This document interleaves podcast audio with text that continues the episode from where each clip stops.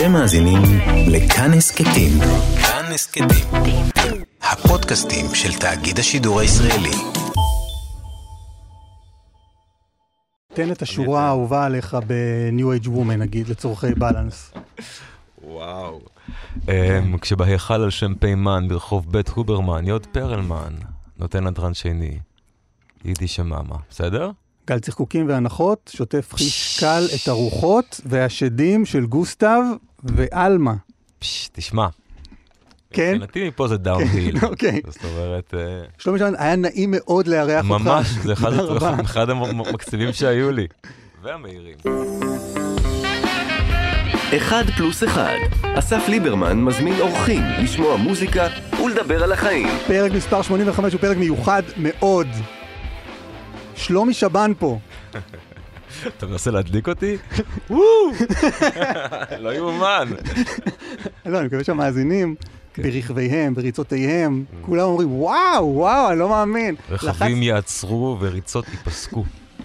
לחצתי פליי על פרק שכתוב על שלומי שבן, ובכל זאת שלומי הוא שם, שבן הגיע. הוא שם. תראה, אני רציתי להוכיח לך עד כמה, אני באמת מחכה למפגש הזה. עכשיו, וואו. מישהו, חבר אמר לי שזה נורא יפה שאני לא מסתיר את הערצתי לאורחים שלי. אז איתך הלכתי, איתך וואלה הגזמתי, אוקיי? אוקיי. קודם כל הבאתי מתנה. מדהים. הבאתי מתנה, כן. מרץ', כמו שאומרים אצלך כן, בשיר האחרון. כן. לא נכון, מה אתה אומר? זה אוריגינל? כן, יש לך את זה מאז? כן, כן, אה, כן. טוב, תספר אתה מה אני מחזיק, כי... כי יש זה גבול. סטיקר שיצא בטח איפשהו בשנת... אה, 2004, 2004, 2005 כזה, כן. כן. אה, אחרי האלבום, בהמתנה הגדולה של קהל מעריציך, מהאלבום הראשון לאלבום השני. השפל הגדול, כמו שקוראים לו, כן. נו, אוקיי, זה יהיה כן. מעניין לדבר על זה. אה, בין אלבום ראשון לשני, סטיקר שכתוב לפסנתר אתה חסר, הגיע הזמן לשני של שבן, ותמונה של הנער, העלם, עלם חמודות, המטולטל. כן, כן, יש פה פריזורה מאוד ייחודית, אני חייב להגיד שאני בטח לא עומד מאחוריה, אבל כן, כך היה. אתה זוכר את הסטיקר הזה? אתה זוכר לא רק את שאני ה... זוכר את הסטיקר הזה, אני זוכר את, ה, את היום ואת האופן שבו נתקלתי בסטיקר הזה. קודם כל, אתה, אתה יודע, אמרת ההמתנה הארוכה, אני, אני לא פירשתי את זה כך, זאת אומרת, גם לא הבנתי בכלל אם מישהו ממתין או לא. אני חיכיתי שיקרה משהו, והוא לא קרה הרבה זמן, ואני זוכר שיום אחד הלכתי לסופר לעשות קניות, הייתה לי חברה אז, אה, והיא אמרה לי מה לקנות, וכשהלכתי עברתי ליד, ליד אה, דיסק סנטר, השם ייקום דמה, נכון? אין כבר יותר את הדבר הזה. לא, יש, שאין. יש. יש? להבנתי אין. אוקיי, אנחנו נבדוק. אני מקווה. אני מקווה שאני לא טועה. בכל אופן, כן. אני עובר, והוא אומר לי, אה, אחלה פרומו, משהו כזה, איזה יופי של פרומו. אני אומר לו, פרומו למה? ואז הוא מראה לי את זה, והבנתי שמישהו עשה את זה. אה, אה, עליתי, איכשהו אה, עקבתי אחריו, אה, והגעתי, זה בחור שקוראים לו שחר גרוסמן, אתה כן, יודע, מכיר? כן, כן, היה בגל"צ. גל"צניק, היה גל"צניק, והוא כן. טוען שהקריאייטיב, ובעצם האינסנטיב לעשות את זה, אה, היה תוך כדי שהוא עשה אה, מדיטציית שתיקה ארוכה. ועם זה הוא חזר, זאת אומרת, היו אנשים שחזרו עם תובנות יותר עמוקות, הוא חזר עם, הרעיון לעשות סטיקר. סטיקר אתה חסר. הגיע הזמן לשני של שבן. טוב, אני רוצה לשחרר כן. אותך מהאוזניות רגע, ואני רוצה להשמיע לך עוד משהו שהבאתי אני, לך. אני חייב להגיד לך שאני אוהב אוזניות, אני, כן? מעדיף את זה ככה, כן. אני תכף אמצא את הווליום. למה? אבל מה- זה יושב? לא, זה לא, לא כל דבר יושב על משהו, אני פשוט כאילו, אם אני מדבר לתוך מיקרופון, זה יושב על זה שאני. רוצה כן, לקבל את זה תודה רבה. מאוד, נועה. אבל אולי זה יושב על מה, תודה. משהו עמוק יותר. אה, טוב, רק כדי לשחרר את אה, פרק הזה, אני אני לא מכין דברים בדרך כלל. אתה מכיר את הפודקאסט? שמעת את הפודקאסט? כן, כן, אי? אלו פרקים. מה? לצורך המפגש הזה, או... לא, לא, התחלתי רגיל, ולקראת המפגש בינינו הגברתי. אה, ושמעתי דברים שלא שמעתי. האחרון ששמעתי היה עם יאלי, שהיה מאוד יפה. שמעתי אמיר לב, שמעתי זה פרק, דודו. שמעתי, שמעתי הרבה. אוקיי, אוקיי, כן. נחמד מאוד, נחמד. אה, היה טרנד אה, לא מזמן של אה, 21, כן, להעלות תמונה שלך מגיל 21. כן, כן, ראיתי. העלית? לא. אוקיי. לך, אה, יש שיר שנקרא 21. סליחה? כן. תמשיך. אתה רוצה שנשמע אותו ביחד? אני לא יודע מה אני מרגיש כרגע, ואני לא יודע מה אני רוצה. אתה אה, יודע על איזה שיר אני מדבר? אם זה השיר שאני חושב שאתה מדבר עליו, אז זה יהיה מאוד מוזר אם יש לך איזשהו סוג של תיעוד שלו, כי זה שיר שמבחינתי לא תועד. חן, בבקשה. Oh my God. לא. 21 זה עוד 19 קצת, אני עם טיון ביד. אבל גם 30 תניח, מה עוד? מעט. מה זה? ויש בי המון הבטחה, אוטוטו החמצה, תלוי בנקודת המבט. כשאתה רוצה לעצור, תגיד לי שאתה רוצה לעצור. זה 20 שניות. ויש לי אשראי חלומות לא מוגבל, למרות שבזמן האחרון טוב, תודה. כן. חן, תודה רבה. תסביר. תשמע, אני אגיד לך, אני לפני- לא- לפני שתדבר, אני כן. אגיד לך מה שהכי מטורף, שבאמת בגלל כן. האתגר הזה, ואני לא זוכר בגלל מה עוד, פתאום נזכרתי בשיר הזה, אמ, שיש לי עליו הרבה ביקורת, אה, אבל איך יש לך את זה? מאיפה זה... מה? קודם כל, זה לא, כששמעת את הפודקאסט, אני לא עושה דברים כאלה. כן, כן. התוכנית היא לא כזאת. לא, לא, זה לא ברור. איזה, לא יודע, היה ציפורי לילה כזה שמביאים אה, ארכיון כן, כזה. כן, כן. אנחנו פשוט נפגשנו כבר, או-אה, לפני 20 שנה. אוקיי. אתה היית בן 28.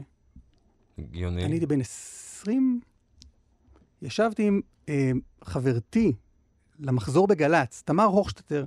היה לנו רעיון לפיילוט, לתוכנית. כן, לא רוצים לישון במגירה.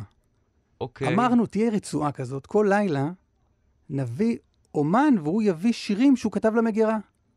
למה אני לא זוכר כלום מזה שאלוהים היה יעזור? פרק פיילוט, והתוכנית לא שודרה מעולם. ואני תרמתי את זה. ואתה נתת את זה, ונתת עוד שיר, שאם אתה רוצה, שיר? אנחנו נשמע. איזה שיר? אה, בוא נשמע, פשוט. משהו עם היד הכותבת? כי אני. מחפש הקלטה של השיר הזה. בוא נשמע.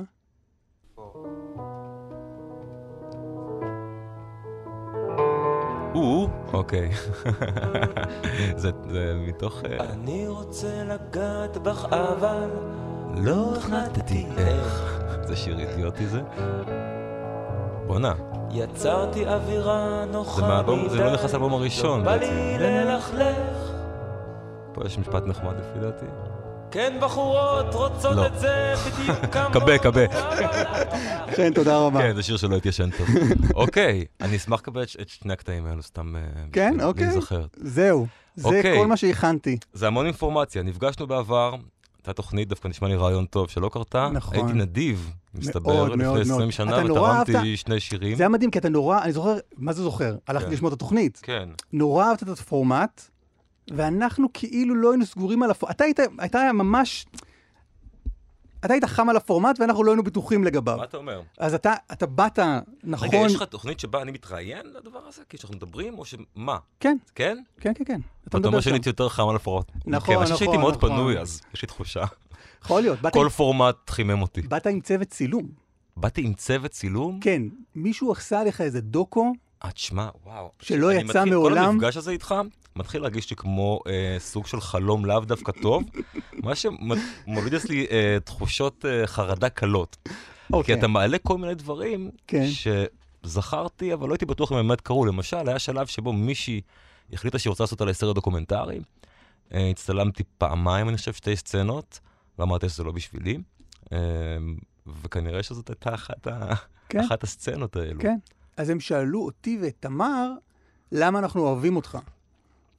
ופתאום זה נורא בלבל אותי, כאילו, כן, איך תסביר, מה אתה... זה... אתה יודע. כן. שלומי שבן, מה שלומך? אסף ליברמן, אחת הפתיחות הארוכות והמוצדקות. וה- וה- וכן, זה לא... אני רוצה להעריך את הפתיחה ולהגיד לך עוד דבר, אה, שמעבר לזה שאני נרגש להיות פה ולפגוש אותך, אני הבנתי שזה בעצם גם ההסכת הראשון שאני מתראיין אליו.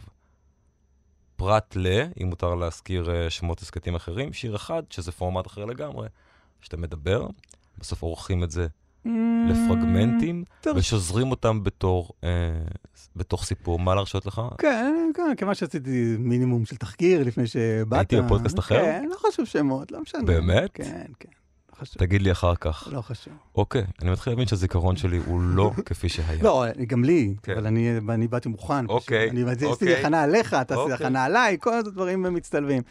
בוא ניגש לעניין. שלומך, מה קורה? אני לא יודע מה- מהו אה. העניין, אל תלחיץ אותי. אל תלחיץ אותי עכשיו.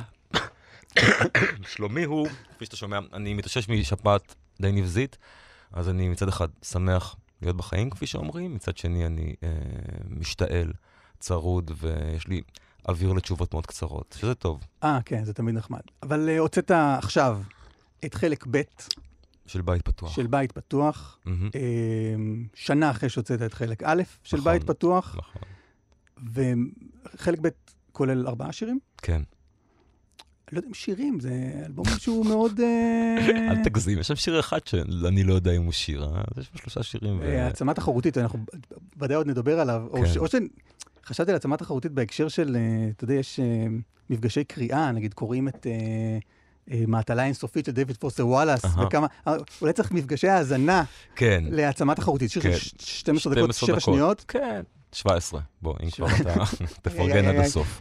אבל, מה, אבל שלומך בהקשר הזה, כלומר, אתה משחרר דבר כזה, מה איתך? מה אתה עושה? אתה יושב, מחכה לתגובות, אתה מסתובב ברחוב, מזמזם את השירים, אתה עובד על... אז אני אגיד? לך, תראה, בגלל שמבחינתי אה, חלק ב' הוא באמת המשך של חלק א', הוא גם היה, במקור זה היה אלבום אחד, שפשוט פיצלתי לשניים, אני יכול להסביר למה, אם זה מעניין, ואם לא, אז לא. אה, אז מבחינתי הוא יצא באיזשהו אופן, זאת אומרת, חיכיתי, הוא, היה, הוא גם היה אמור לצאת מספר פעמים. הריליס המקורי שלו, הריליס דייט המקורי שלו היה בתשעה באוקטובר. אה, אחרי זה היה עוד תאריך שגם בו קרה אסון לא קטן. אה, וכשהוא יצא כבר בשבילי זה היה פשוט באמת לשים אותו, שהוא יקבל אוויר, ושאני אקבל אוויר ממנו, ולא באתי עם ציפיות אה, בכלל, זאת אומרת, לא גדולות ולא קטנות. תמיד כשאתה מוציא משהו, יש, אתה יודע, יש רצון כמובן רק לש, לשמוע את, את העץ נופל, להבין ש, שמישהו שומע את זה, וזה קרה. קיבלתי תגובות אה, מעניינות, מרגשות, בעיקר על העצמה תחרותית, ועכשיו אני מתחיל לקבל גם אדוות של, אה, של עוד, אה, עוד דעות, ו, ו, ואנשים ששמעו עוד דברים שם. אבל אתה לא, אתה, לא, אתה לא מחכה לזה? אתה לא... בטח שאני מחכה לזה, אבל במקרה המאוד מסוים הזה, זאת אומרת, אם תשאל אותי שנה אחורה על חלק א', אתה יודע, זה היה סיפור אחר, לא הוצאתי אלבום תשע שנים. Um, עבדתי על זה מאוד קשה, גם על החלק הזה, זו, זו, זאת, זאת היצירה בעצם. אז אתה יודע, הייתי נרעד מאוד כשזה יצא. זה היה מוכן כבר לפני שנה? הכל היה מוכן. הכל היה מוכן לפני שנה? הדבר היחידי שהשתנה, אה, השיר שבו, לשמחתי, חווה אלברשטיין משתתפת, במקור היה שיר ששרתי אה, לבד עם פסנתר. בזמן הזה החלטנו שהביצוע, אסף תלמודי המפיק עודד אותי אה, להקליט אותו מחדש, ועדיף שלא אני אשאיר אותו. כמו דמה על קלף, כמו עטלף מחונף, התבונן בתצלום, יש אישה ברקע. סיפרת איפשהו שהלכת לכתוב אלבום כי נמאס לך מהשירים, ה... בין השאר, כן. שירי ההופעות שלך. ומצד שני, זה אלבום מאוד אה, מטלטל, סליחה, אהה, ש... אותי. אוקיי. יש לך שם שורה שאתה אומר, אה, אל, אל תחפש אה, כן. בגרם של חסד, ואל כן. תחפש בשיר אמת, ואם תמצא את עצמך, כן. אל תסתכל לי בעיניים, כן. אז אני משתדל לא להסתכל לך בעיניים. אל תחפש בשיר גרם חסד, אל תחפש בשיר אמת, אל תחפש את עצמך, ואם תמצא, אל תסתכל לי בעיניים. זאת שורה שאני לא עומד מאחוריה, אתה יכול אה? למצוא חסד אמת ולהסתכל לי בעיניים. אז כן. תסביר אותה. אמ, שוב, אתה יודע, אני לא- לא יכול להסביר אותה. אני יכול להגיד לך ש... אתה לא יכול להגיד אתה לא רוצה? לא, לא, כי אני לא יודע. יש לא הרבה שורות כאלה, ויש שורות שאני לא יודע להסביר, אבל הן השורות היחידות שיכולות להיות במקום מסוים. אה, השיר הזה הוא שיר מתגלגל, מאני טיים. הוא שיר שצובר, מבחינתי, צובר תנופה ותאוצה, אה, גם רטורית. אה, וכשהוא הגיע לשלב. הזה, אה, כשכתבתי אותו, זה היה הדבר היחיד שיכולתי להגיד שם. להגיד לך שאני אבסולוטית מסכים עם האמירה הזאת? לא, אני חושב ששיר צריך לעורר הזדהות.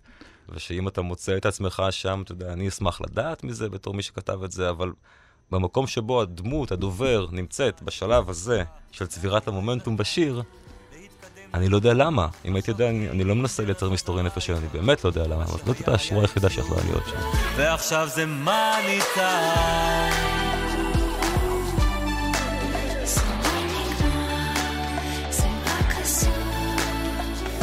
עוד בשיר הזה יש את אה, ההתחלות שלך עדיין, אבל הסוף מעבר לפינה, כן. שזה קצת מה שיש ב-21 ששמענו. סליחה שאני... לא, לא, אתה כל כך צודק. תשמע, אתה... אני באמת מתחיל... לא, אני רוצה ללכת. אתה באמת רוצה ללכת? לא, כיף לי מאוד, אבל אני מתחיל להיות לחוץ, כי באמת, הייתה לי שיחה עם אה, חברה לא מזמן, ודיברנו על זה שבעצם כותבים את אותו שיר כל החיים. ואז היא אמרה לי, טוב, לא שאלתי אותך, אבל מה השיר שאתה כותב? וחשבתי על זה, וככה נזכרתי ב-21, שאני בעצם כל הזמן, אני באיזה מין פרידה תמידית מהגיל בו אני נמצא, או מהנעורים בזמנו, במקרה הזה, מ... אה, וזה מין אה, פרידה, מין אה, פרידה מהחיים שהתחילה בגיל הזה ונמשכת כל עוד היא תימשך. אז מעניין, כי בגיל 28 אתה אומר שם כן. בריאיון המכונן שנתת לנו, כן. שלא יצא מעולם, אתה אומר שם, וואו, אני מסתכל על הילד הזה בן 21, כמה כובד, כמה כובד לילד בן 21. אתה מבין? אמר ילד בן 28. אבל אני חייב להגיד לך שאני מתישהו הבנתי אה, שזה איכשהו מין חוט שני שעובר דרך השירים שלי, וכמובן מתוך האישיות שלי. ומבחינתי, נגיד שיר כמו העצמה תחרותית, הוא בין השאר בא לבעוט בדבר הזה, כי, כי כמה אפשר אה, להסתכל אחורה בערגה אה, אה, על מה שזה לא יהיה. אז אותי זה משעמם, זאת אומרת, אני, גם במאני טיים יש דברים שמבחינתי מצדיקים, אחרים בתוך השיר הזה שמצדיקים את זה שלהקליט אותו ולשיר אותו ולבצע אותו, אבל הסנטימנט הזה עליי נמאס, כי אני חי עם עצמי כל השנים האלו ואני מכיר אותו היטב. אה, אז אומנותית, אבל יש לך הרבה שירים כאלה? שהוא- שהם בסנטימנט הזה? תשמע, כן, אני חושב שכן. אתה יודע, לפעמים זה באופן יותר סמוי, לפעמים זה באופן מאוד גלוי. אתה יודע, אמ, גם באותו אלבום ראשון, טוב, זה לא נכנס אליו בסופו של דבר, אבל נגיד ערב לזכרי, מה זה בן אדם ששר על ערב לזכרו בגיל אה, כן. 24? ערב לזכרי, שנה למותי. את לא בוכה, אולי קצת חיוורת. אה, ויותר מאוחר גם, אני עכשיו איכשהו בבלקאוט וזה טוב, אתה יודע, אמ, כי אני לא רוצה לעבור על כל הקטלוג שלי בעצמי ו... מחר בעזרת השם. מחר, בעזרת השם, נפתח לנו דף חדש, וכל מה אני חושב שתמיד שם, אתה יודע, אני בן אדם כזה, קצת.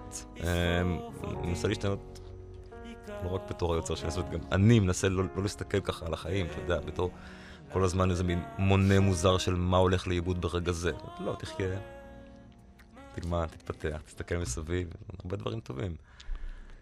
ואז מגיעה העצמה תחרותית, והוא נובע מתוך מה? מתוך רצון... צמא אה, תחרותית, אתה יודע, הוא נובע בכל מיני דברים, אבל אני, אבל אני חושב שבין השאר, זאת אומרת, מה שאני אוהב בשיר הזה, מעבר לזה שהוא הוא מעניין אותי, הוא, הוא שאין בו את זה. זאת אומרת, קודם כל הוא לא עליי במפגיע, הוא על דמות שקוראים לה ג'קי סי.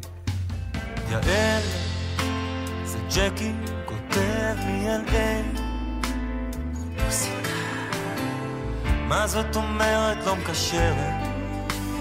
ג'קי סי מפעם, ג'קי כהן השיר הזה נולד, קודם כל נכתב בזמן סגר. שזה גם זה וגם שיר אחר מהאלבום הזה שנקרא קדישמן. שירים שנכתבו תחת ההנחה שאולי אה, העולם עומד להסתיים, או מאוד להשתנות, והשירים האלו לאו דווקא יישמעו, זאת אומרת, היה איזה מין חופש בדבר הזה, והייתי נוסע לסטודיו שלי, חומק מהבית, אה, על אופניים, חובות שקטים, ריקים, נכנס, ואיכשהו, זאת אומרת, היה בזה המון חופש. והעצמה אה, תחרותית, לא התחלתי לכתוב אותו בידיעה שהוא יהיה מאוד ארוך, או לאן הוא ילך. הוא התחיל מתוך, אה, מתוך דווקא איזה אה, פוסט אינסטגרמי שקראתי, אה, של מישהי, לא משנה, אה, שדיברה על אה, דימוי הגוף שלה, ו... ונתנה פוסט כזה, אתה יודע, שבסופו כותבים לך, אה, או לך, מהממת ואמיצה שאת. ואז היכו בי שני דברים. א', שלא היה שום דבר, שוב, אני לא, רוצ, אני לא שופט אותה, אני שופט פה תופעה, היה שום דבר אמיץ בפוסט הזה. זה היה ברור שהוא פוסט שחושף חולשה מאוד מאוד מאוד עדינה בשביל לקבל אה, כמה שיותר אהבה. ככה השיר נפתח. מהממת שאת, מהמם שאתה, כמה אומץ דרוש, וכמה דיוק לחשוף את קצוות החולשה שאינה מבקשת דבר, שדורשת חיבוק. ואתה במחשבה, מה זה אומץ ולאן הדבר הזה הולך? ואז אתה המ- המחשבה המוזרה של, של מין פורמט של העצמה התחרותית, אתה יודע, שבן אדם אומר, דימוי גוף, עזוב אותך, בוא תראה מה יש לי פה, ואתה יודע, הדבר הזה כאילו של להקצין, אה, אגב, זה לא רחוק מהמציאות, זאת אומרת, אה, התחרות הזאת, כן. הסמויה והלא. אז התחלתי, וזה הידרדר, אתה יודע, זאת אומרת, כל פעם נוסף עוד קטע ועוד קטע, אה, ולא הייתה סיבה לעצור. כי זה היה ברור, אתה יודע, שאין לי משהו אחר לעשות, והיה לי מעניין. אמרתי, כל עוד מעניין לי, אני אמשיך את השיר הזה. אני תוהה, אבל... אז הסיפור הוא על... אני לא יודע אם מספר את הסיפור. הסיפור הוא על אותו ג'קי סי, יעקב כהן, נכון, אה, במקור לשעבר. מראשון אה, ממערב, נכון, הגיע ל-LA, יש לו אהה. רעיון לפורמט, כן, אה, העצמה תחרותית, נכון. נעשה מזה מרץ', הוא הולך למפיק, חיים צבן, נכון. צבן מתלהב, מתרגש, ובסוף הוא נשאר עם מה שנשאר, ואז אה, הולך ו... כל הסיפור מסגרת מתאחד עם העלילה, והוא אה, שם על הפסנתר עושה כסף מ... הוא הוא בסופו של דבר מידרדר להיות, אה, זאת אומרת, תשמע, אנחנו מבינים שאנחנו בהרצאה, ואנחנו מבינים לאט לאט שהמספר הוא מאוד מאוד לא מהימן. זאת אומרת, אה, השאלה אם באמת אה, חיים כן. צבן השקיע בפורמט הזה, אם היה פורמט, מה הסיפור עם יעל, זאת אומרת, לאט לאט הדמות הזאת הופכ- הופכת להיות אה, פחות ופחות מהימנה. והסיום הוא אה, אניגמטי ומוזר. כן, אבל הייתי רק בן 17, והוא היה זאב. לא, אל תתקרב.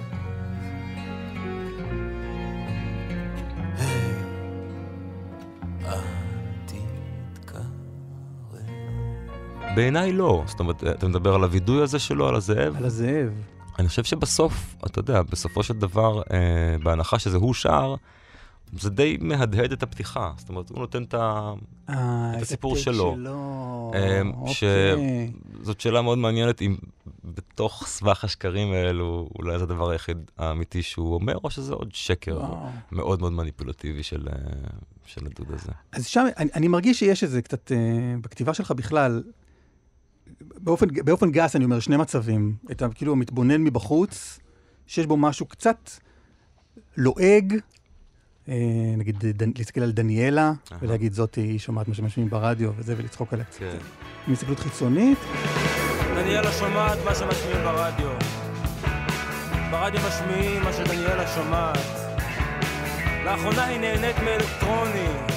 במיוחד ההם, איך קוראים להם, היא לא זוכרת, זה לא שהיא לא יודעת. יש דברים שהם מאוד, אה, מאוד רגשיים, נטולי ציניות. אני זוכר ששמעתי פעם ראשונה את שמש עלי אדמות. אהובתי היא מצבור של מרחק ושל אור, שמש עלי אדמות. קסם מוזר של אסור ומוכר, מתחלפת לעד ללא.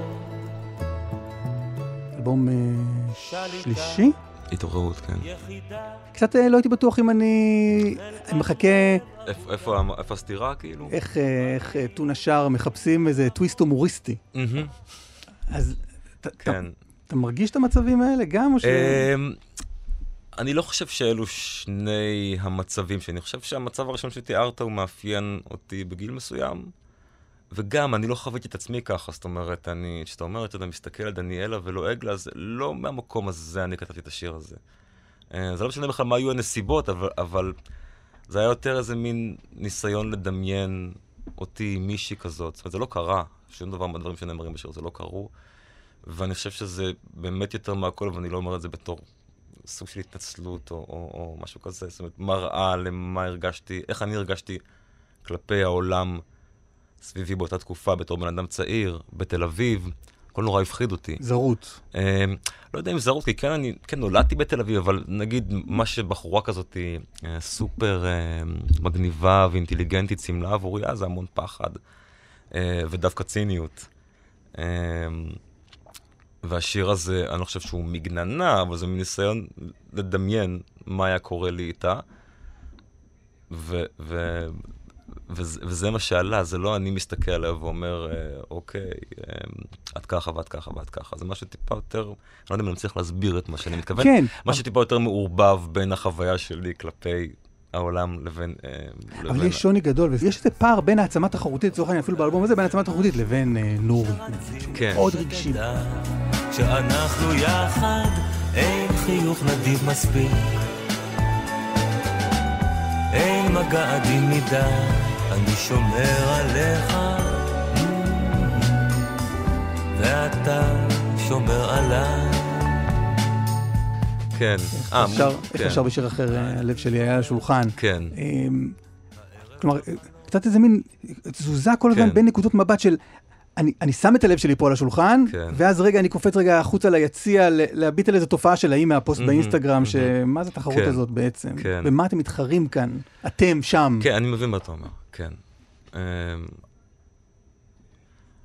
יכול להגיד לך שלפעמים, אתה יודע, נגיד שאני שר שירים, מה שאתה מגדיר אותם בתור השירים הרגשיים יותר בהופעה, אני צריך להזכיר לעצמי, אתה יודע, שצריך לשיר אותם קצת כמו השירים. ההומוריסטיים, החיצוניים, כי יש משהו, אתה יודע, בהישאבות, אני אומר עכשיו דווקא על הפרפורמנס של הדברים, לא יודע למה אני הולך לשם. בהישאבות לתוך הרגש הזה, שהוא יכול קצת אה, אה, מנומנם, לבן על לבן, זאת אומרת, משהו טיפה, אה, משהו נעלם לי שם, ואני אני, בסופו של דבר חושב שגם בשירים האלו וגם בשירים האלו יש סיפור. אה, זה מה שמשותף להם, זאת אומרת, מעבר לזה שאני כתבתי אותם. אה, ויותר קל לי לספר סיפור כזה, כמו שאמרת, להסתכל על משהו מבחוץ, שיש בו הומור, שיש בו שפיץ, שיש בו פאנץ'. והסיפורים האלה הם, הם פחות טבעיים לי, וכשאני עושה אותם אני צריך להזכיר לעצמי שגם אם זה במקום רגשי אחר, הם עדיין סיפורים. התחלתי לשאול קודם. בעצם אתה אומר, היית צריך, אמרת בין היתר, זה נבע מזה שרצית שירים חדשים ונמאס לך מהשירים הקודמים כן. לשיר בהופעה. מצד שני, יש שם המון, כאילו זה באמת מרגיש, כאילו היה לך המון אה, לפרוק. כן. Um, בסופו של דבר זה נראה ככה. Um, אני מבין, אני גם גם כשאני מסתכל עכשיו על שני האלבומים האלה, אני אומר, אוקיי, um, היה, מה, היה לי מה להגיד, אבל um, בכל מיני שלבים לאורך העבודה זה ממש לא הרגיש ככה. בטח לא... כשהתחלתי לכתוב אותו הרגשתי שאני רוצה להגיד משהו, אבל לא יודע מה. ותוך כדי זה הרגיש הרבה פעמים שאין אלבום. אתה יודע, זו תחושה שקורית, דיברתי על זה גם עם חברים, עם אנשים שעברו תהליכים יצירתיים, בכל מיני מדיומים. יש פתאום שלב אה, שאתה מסתכל על, נגיד, לא יודע מה, 45 דקות של חומר, אתה אומר, אין לי כלום. זאת אומרת, משהו שלפני שבועיים, נגיד, נראה מאוד מאוד מאוד יציב, ואתה אומר, וזה המרכז שלו, וזה יבוא פה, ואולי... פתאום יש שלב שאתה מרגיש שאתה מח- מחזיק חול. אה, מחזיק חול זה מה? זה ש- כי השירים לא... כי אין שירים או כי השירים לא מתכנסים למשהו? גם וגם, שכל שיר לכשעצמו פתאום מרגיש קצת פחות חזק ממה שהוא הרגיש, וכאסופה זה פתאום מרגיש לאו דווקא משכנע, ויש יש מין שלב כזה, זה, לי זה קורה לפחות, הרבה פעמים, דווקא לקראת סוף התהליך, או בשלהי התהליך, שפתאום אתה לא בטוח שיש לך בכלל. אה, באמת, כבר שהשירים האלה עמדו, כבר כשהיה לך את אה, כן. אה, השיר הפותח, אל תתעלמי ממני.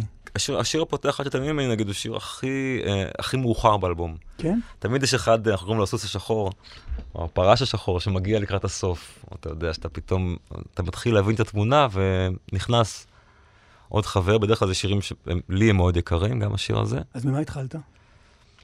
אה, מה הקלטתי ראשון? באופן מוזר, דווקא השירים הראשונים שהוקלטו הם, אה, אה, אני חושב שהעצמה תחרותית.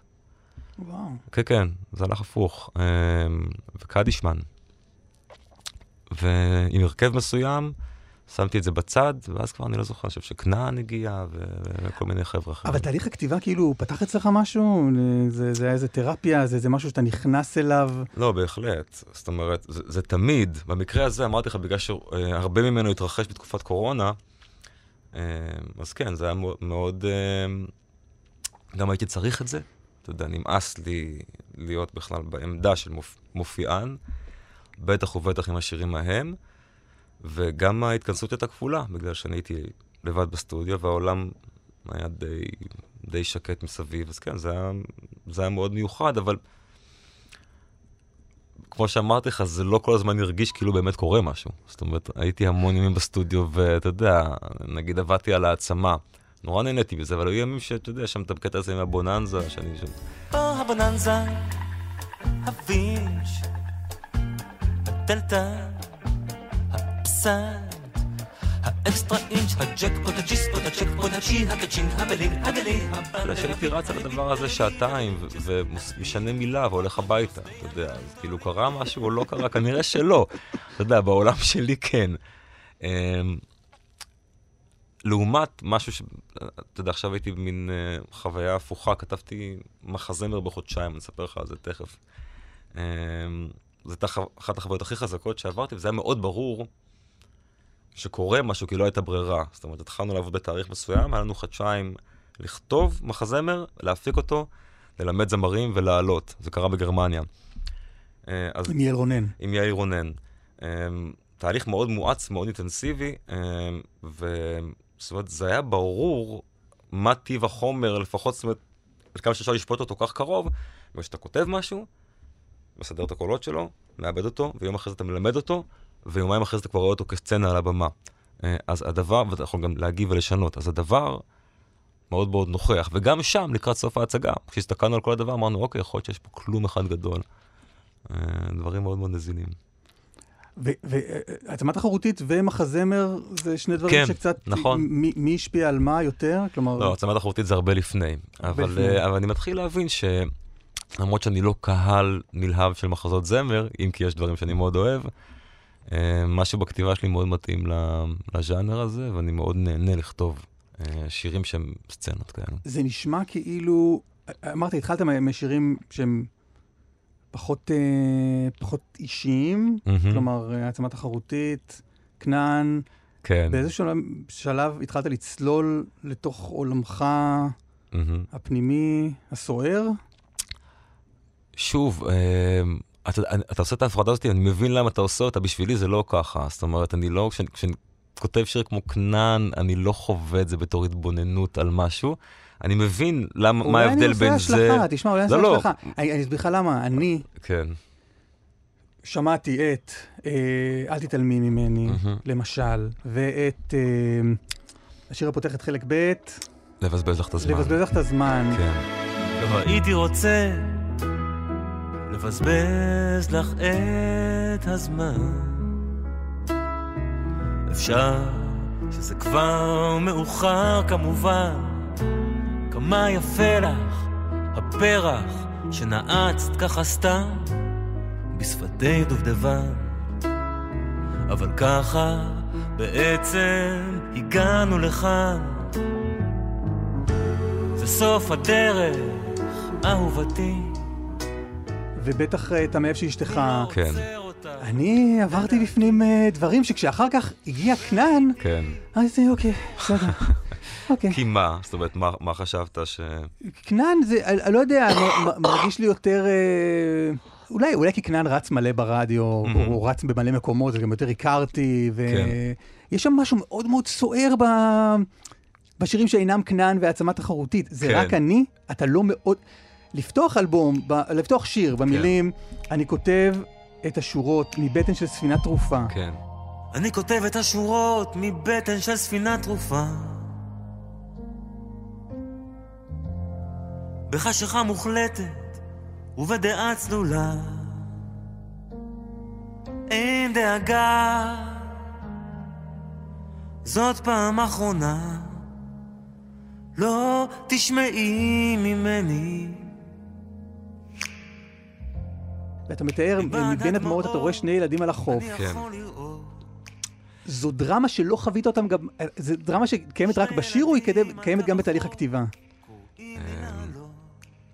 תהליך הכתיבה של השיר הזה היה מאוד מהיר, אז אני לא יכול להתייחס אליו כאל תהליך. פשוט הייתה דרמה, והיא תורגמה לשיר. אמ, באופן די לא אופייני, זאת אומרת, מאוד מאוד מהיר, ואתה יודע, היה תהליך החלמה מהדרמה. Hmm. שהשיר עז- עזר לתהליך, השיר היה רק חלק מהתהליך. כן, אוקיי. ברור, ברור שיש סערה. אני פשוט חושב, מה שאני לא, מנסה כי להגיד... עשית לי gas lighting. לא, גרמת לי לחשוב כאילו לא הייתה סערה. ממש לא, ממש לא. לא, אל, אל תאשים אותי בכס לילה. ואז השארתי את עצמי לבד. לא, אני- מה שניסיתי- נשאר- אני לבד פה בספינת לא, תרופה לא, הזאת. לא, לא. שלומי שבן המציא לי ספינת תרופה, הלך, אנחנו ועכשיו נשארתי פה לבד עם הספינת תרופה אנחנו הזאת. ביחד ואנחנו עומדים למות, הכל בסדר. אני רק רוצה להגיד. אה, מה שניסיתי להגיד, שבשבילי, חוויית הכתיבה, ובזה נסכם את זה, של שיר כמו אל תתעלמי ממני, אה, ושיר כמו כנען, חוויית הכתיבה, לא החוויה שהולידה את הכתיבה, היא לא מאוד רחוקה. זאת אומרת, אני, אני מבין את ההפרדה שאתה עושה בין סוג שירים כזה לסוג שירים אחר, פשוט בשבילי, אני לא רואה אותם ככה. אז הם- אני הם- אשאל עוד שאלה, ואז אנחנו נסיים, כי זו כן. תוכנית שלי וזו שלך, ואני אוקיי. מחליט מתי מסיימים. כן. האם נכון להגיד שבשיר כמו אל תתעלמי ממני, יש דרמה בחיים האישיים ובכנען פחות? אה, מהבחינה הזאת של מה הוליד את השיר? כן, יכול להיות, זה פשוט לא נראה כל כך מעניין. זאת אומרת, אני יודע שזו תוכנית שלך, אבל גם לי יש דעות לגבי התוכן. אה, כן, את הממו לפני שכניסת לאולפן, מתי מסכימים, מתי לא מסכימים. אוקיי, אוקיי. אני שואל את זה לא, אני... היו המון עניינים חטיטניים בחייך שלוו את הזה. אני כן. לא הולך לשם. כן. אני גם ראיתי, אתה יכול ללכת, אין שם כלום. ראיתי את באמת. הריאיון איתך עם גיא פינס, שואלים אותך שוב ושוב את אותן שאלות, וזה אני, כן. אני, לי לא היה נעים, לא משנה אם יש שם משהו או אין שם משהו. אני שואל כמאזין, כי כן. אני טולטלתי. כן. ואני אני אומר לעצמי, אני, אני, אני, אין מה לעשות, אתה כמאזין רוצה לחשוב שאתה עובר גם עם ההזדהות עם, ה, עם האומן, ואתה רוצה לדעת האם ההזדהות שלך עם האומן נשענת על משהו משותף לשניכם. כן. זאת אומרת, אוקיי. אני אשאל אותך אחרת, זה מעניין אותי, כי- כי בבקשה. אני מבין, ברור שאני מבין את זה, אני בעצמי, אתה יודע, שאתה מיוזיק. לאבר, ואני כן, אוקיי. שומע, ואתה יודע, מתעניין, אבל אני לא אומר, הזדהית, לא, הזדהית עם השיר, אתה יודע, כן. הזדהית עם השיר, זה זה לא משנה עכשיו, נכון. זאת אומרת, אה, מה מה הרקע לשיר, בעיניי, לא יודע, אם אני שומע, לא יודע מה, קלוס וואט של אה, של ג'ון קייל, או- או ג'לס גיא של ג'ון לנון, או משהו, לא, אתה יודע, זאת אומרת, אני אשמח לשמוע קצת פיקנטריה, אתה יודע, אבל בגדול, אם השיר מהדהד את התחושות שלי, ואומר לי, אתה לא לבד בעולם, אז מה, מה עוד אני צריך? כן, טוב, אולי הייתי מכוונן לזה שאני הולך עכשיו לפגוש... בוא אספר לך מה היה הסיפור. לי. מה שקרה. כמה אבל אה, היית טרוד מחשיפת חייך, או, משאלות על חייך בשיר כמו המאהב של אשתך? המאהב של אשתך, המאהב של אשתך, משום מקום במסיבת קוקטייל. רגע צחקת והנה הוא לצדך. How long will you be staying here לא הייתי מאוד טרוד מזה. אמ, קודם כל, בגלל ש... לאורך השנים, אמרתי לך קודם על דניאל, עוד לפני שזה יכול, להיחש... יכול היה לחשב כאליבי, המצאתי גם דברים שנשמעים מאוד מאוד אישיים, אז אתה יודע, הדברים מעורבבים. אמ, ב', זה נראה לי בסדר גמור שאנשים ירצו לדעת, אה, גם לא כל האנשים, יש אנשים שזה ממש לא מעניין אותם, אבל אנשים מסוימים, במקצועות מסוימים, ירצו לדעת אה, מה אמיתי ומה לא, זה נראה לי בסדר. זה נראה לי בסדר לא לענות על כל שאלה. אמ, והתשובה האמיתית היא, ברור, אני לא אתמם, אה, ברור שיש פה דברים שהם לחלוטין אוטוביוגרפיים, וברור לי, זה כנראה לא ברור, שיש דברים שהם פרי הדמיון אה, באמת, אה, וזה כל הכיף. אה, ומה מהדברים פרי דמיון ומה אוטוביוגרפי, זה כבר, אני חושב שזה, את זה אני אשאיר אצלי. כמה אתה מצליח אה, להתנתק אבל ב, ב, בזמן הכתיבה ולהיות עסוק רק בכתיבה ולא ביציאתה אני לאור מצליח החוצה? מאוד, אני מצליח מאוד. אה, זה נשמע רע. אני מצליח מאוד, לא משנה מה אתה תגיד לי, אני, בעיניי אני מצליח. אני איש לא, אני, מדהים אני בכלל, איש תדע לך. מצליח ומדהים, וזהו, ותיקח את הסטיקר הזה.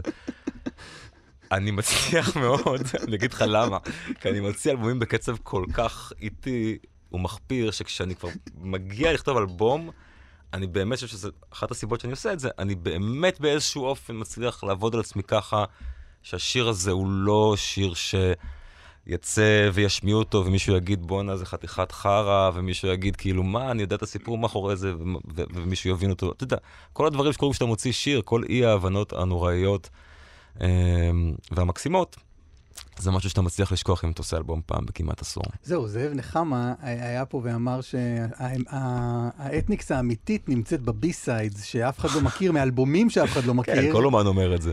כן, אבל כן. לך יש אה, בעצם ארבעה אלבומים, נכון? ממש, ממש לא, ארבעה אסף אלבומים מחולקים ליברמן, לשניים. ממש לא. לך יש 85 פרקים בפודקאסט, ולי יש שישה אלבומים. יש את אה, שלומי. שבן, אני רוצה למנות, סליחה. שלומי שבן יצא בשנת 2000. בשנת 2007 יצא עיר... האלבום, האיש ב-76, דרך אגב, כאילו. כן, אוקיי. יצא, יצא, זה הייתה- שנה משמעותית. כן, אה, 2007 יצא עיר. נכון.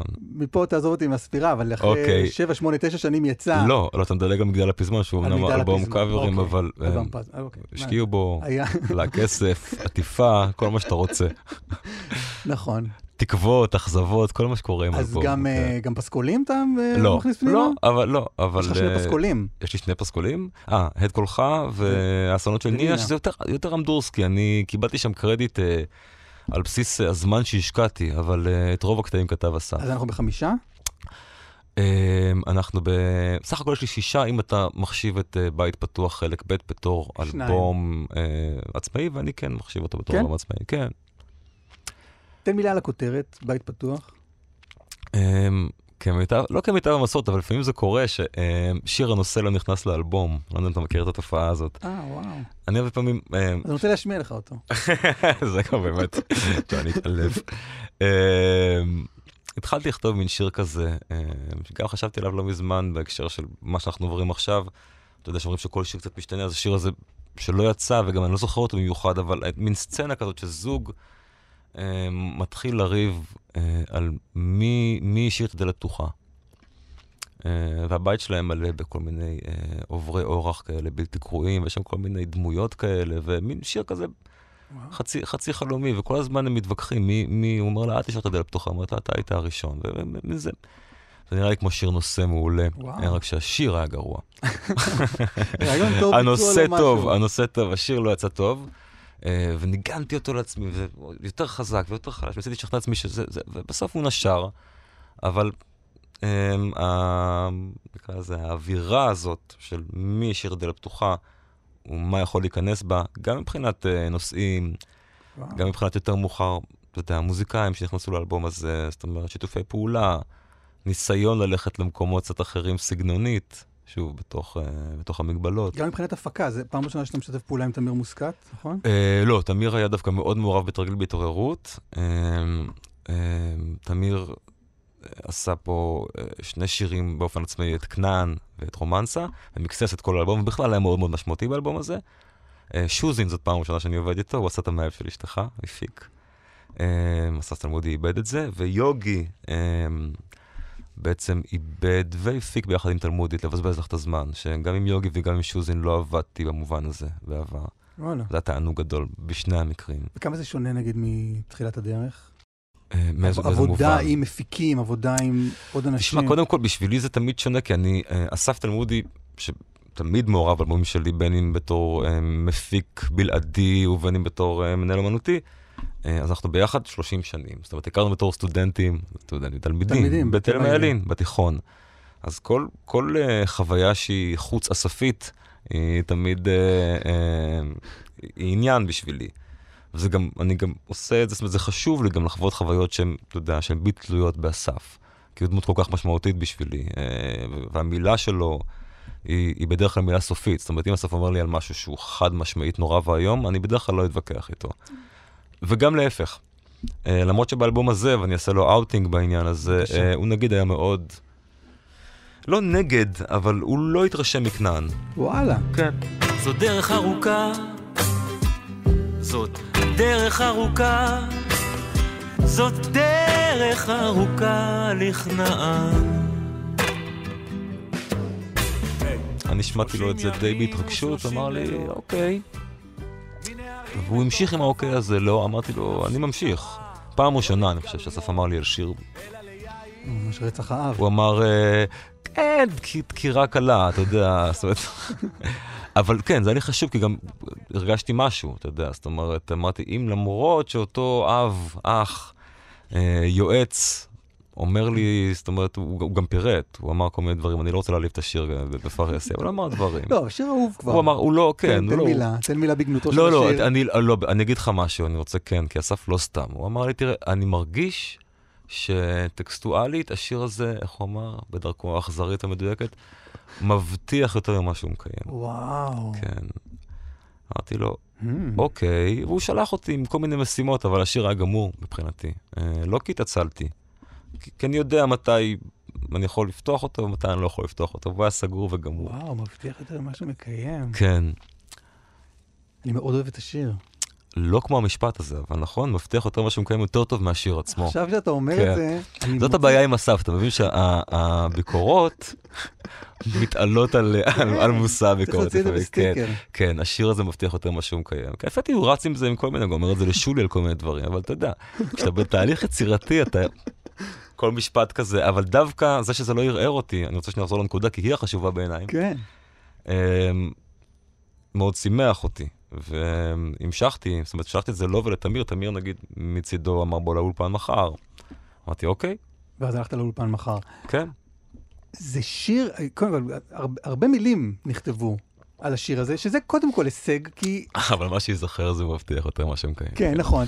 אמ, אנחנו נוריד את זה בעריכה אולי, ואז פשוט השיר לא, יוכל- לא השיר. יוכל אל להמשיך. תבטיח את מה שאתה לא הולך נכון. לקיים. כן. אמ, קודם כל, זה כבר הישג יפה לשיר שהרבה דבר, כאילו, שעוסקים בו הרבה מאוד אנשים כן. בכזה כובד ראש. אמ, אני תוהה אם אתה מחשיב אותו כשיר אה, פוליטי או אישי יותר. שוב, אני לא הייתי קורא לו לא- לא פוליטי, וגם לא אישי. זאת אומרת, אמ, כל הזמן הניסיון הזה, המוצדק, אני מבין, כאילו, לאיזה מין אה, דיכוטומיה כזאת, אני, אני, אני כל לא מגדיר אותו. לא, פוליטי ברמה, במובן המאוד מאוד פוליטי. קראתי טקסטים עליו, אולי טקסט, אני מגזים כשאני אומר כן. טקסטים. טקסט וחצי אולי קראתי. כן, כן, פוסט. כן, משהו באינסטגרם, סטורי באינסטגרם. אה, אה, משהו שמדבר על, אה, ממש על התייחסות לימין היום בישראל, וה- וה- והקרב בין אלה שרוצים מהפכה משפטית עכשיו, מהמם. שאומרים, חברים, אנחנו פה ביחד בדרך ארוכה לכנען. כן. שאל אותו רגע, נורא לא, לא, לא, מודה שלא חשבתי את זה ככה, מהמם. אני נורא התרגשתי מהמשפט אין שום כנען, כנען לי בלב. כן. אין שום כנען, כנען לי בלב. אם ניכנס, לא ניכנס, זה היינו הך, והך בסלע פעמיים. שאגב, בואו בוא ניתן שאוט אאוט למשורר המקורי, זה, זאת פרפרזה מבחינתי על... אה, על ארץ מוותרים. מוותרים רק בלב, יש שיר כזה של מאיר אריאל. כן, על ארץ מוותרים רק בלב.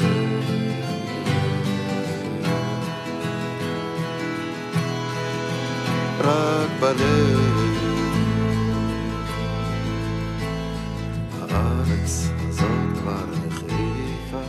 לפי דעתי ממודרני, כן, אבל אתה- מאוחר. לא, לא, כן. אני, אני, כשאני, כשאני שואל, אני רוצה לתת קרדיט. מבחינתי זה לא המשפט הכי חשוב בשיר הזה, המשפט הכי חשוב בשיר הזה, או המרכזי בשיר הזה בשבילי, זה המשפט על יהודי הנודד.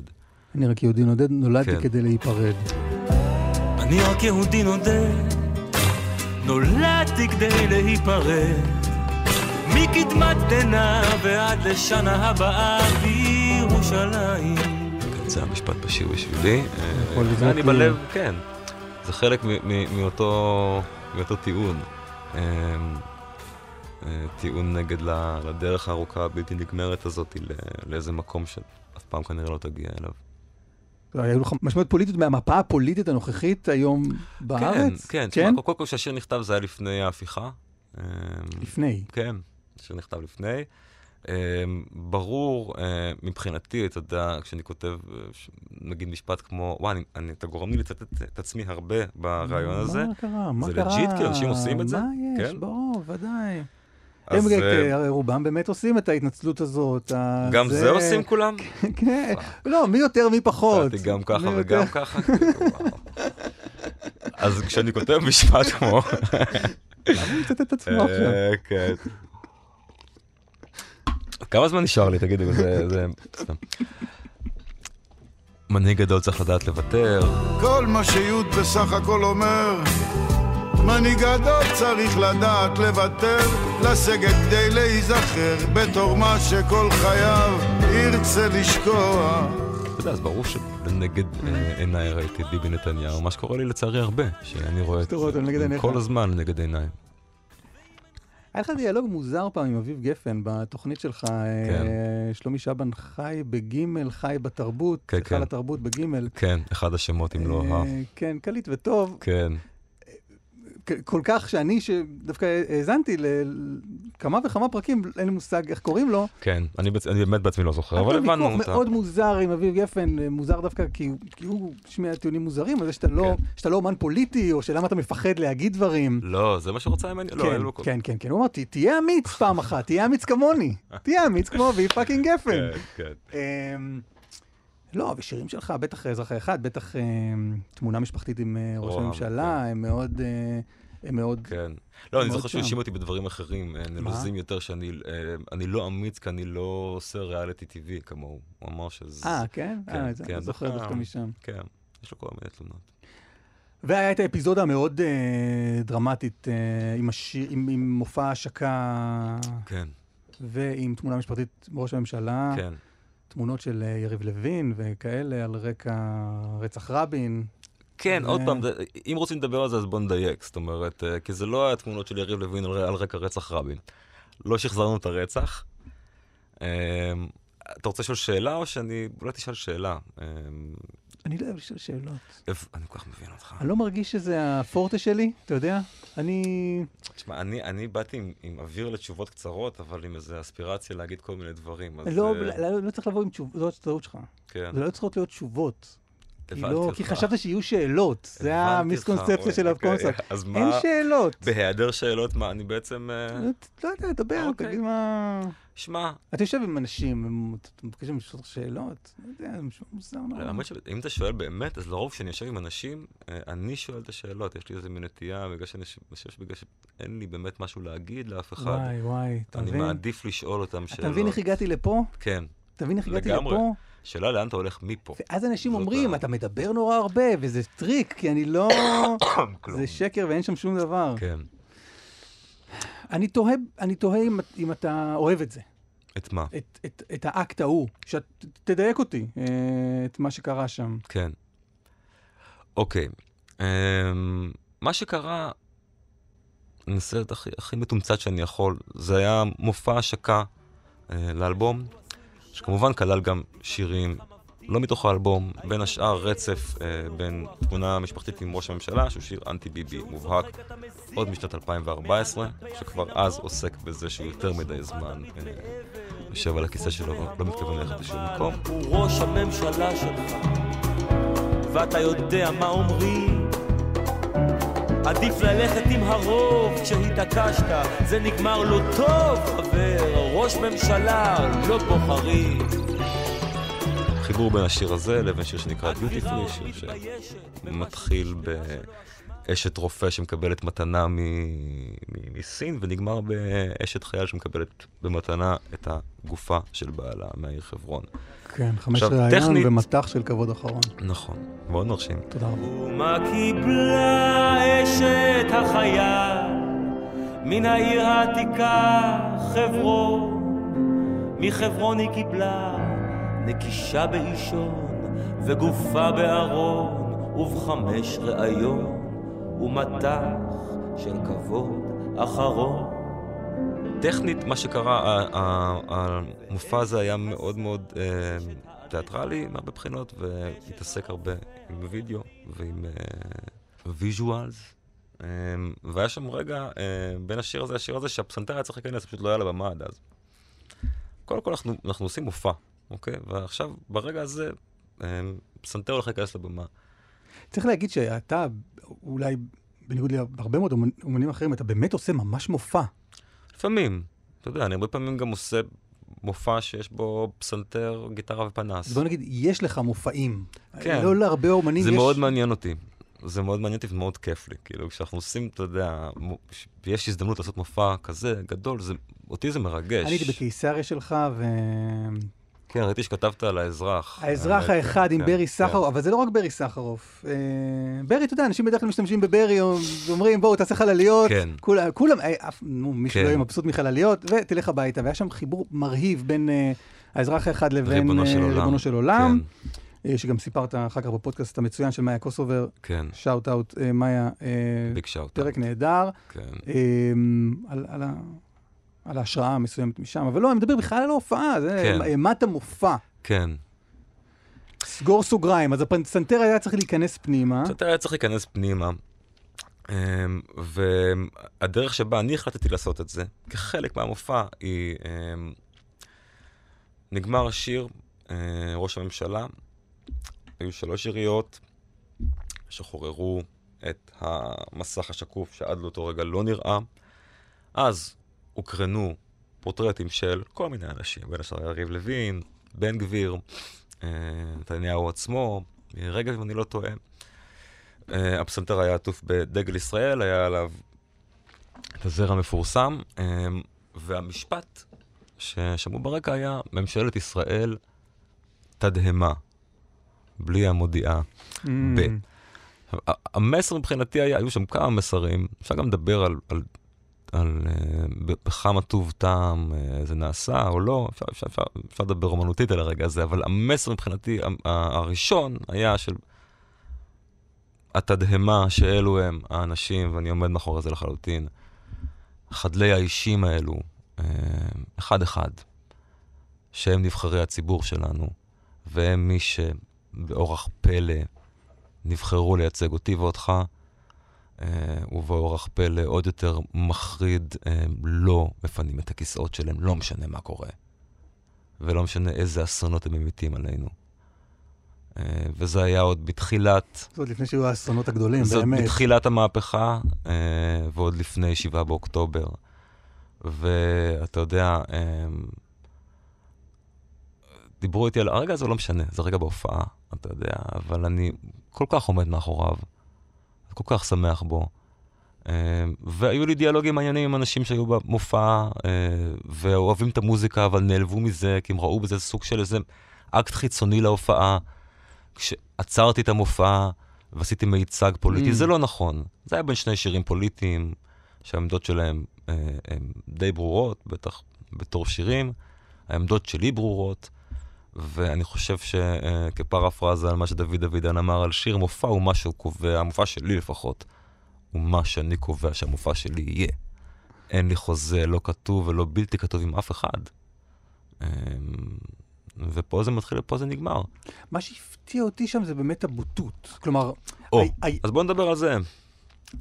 בואו נדבר על זה. נגיד, אשתי, שתחיה, אמ, לא ידעה מזה, מהרגע הזה. וואלה. לא עשיתי לה מסיבת הפתעה או משהו, לא, לא, לא חשבתי שזה הדבר הכי חשוב, כן. אתה יודע, מבחינתי זה היה רגע חשוב בהופעה, וחשבתי שאולי תתעורר מהומה בהופעה, אבל לא חשבתי שיהיה לזה... אז היא מאוד לא אהבה את זה. אמ, ובין השאר היא לא אהבה את זה, כי היא, היא אמרה שזה נעדר אה, כל עידון. זאת אומרת, שאומרת, כמו שאתה מחפש איזה מין אה, אה, רב רובדיות ואיזושהי סובלימציה בשירים שלך, אז אומר, אוקיי, אז, אז גם בזה פתאום אתה... זה? כן, כן. פתאום אתה זה, זה, זה משפט כן. נכון. כן. אתה היית שם? ב... לא. ב... אוקיי. לא. אז מה אתה מדבר? תגיד לי, מה אתה משחק? אתה אומר לי פתאום את הזה. זה- קיוויתי זה- קצת שתכעס עליי באמת רגע יותר.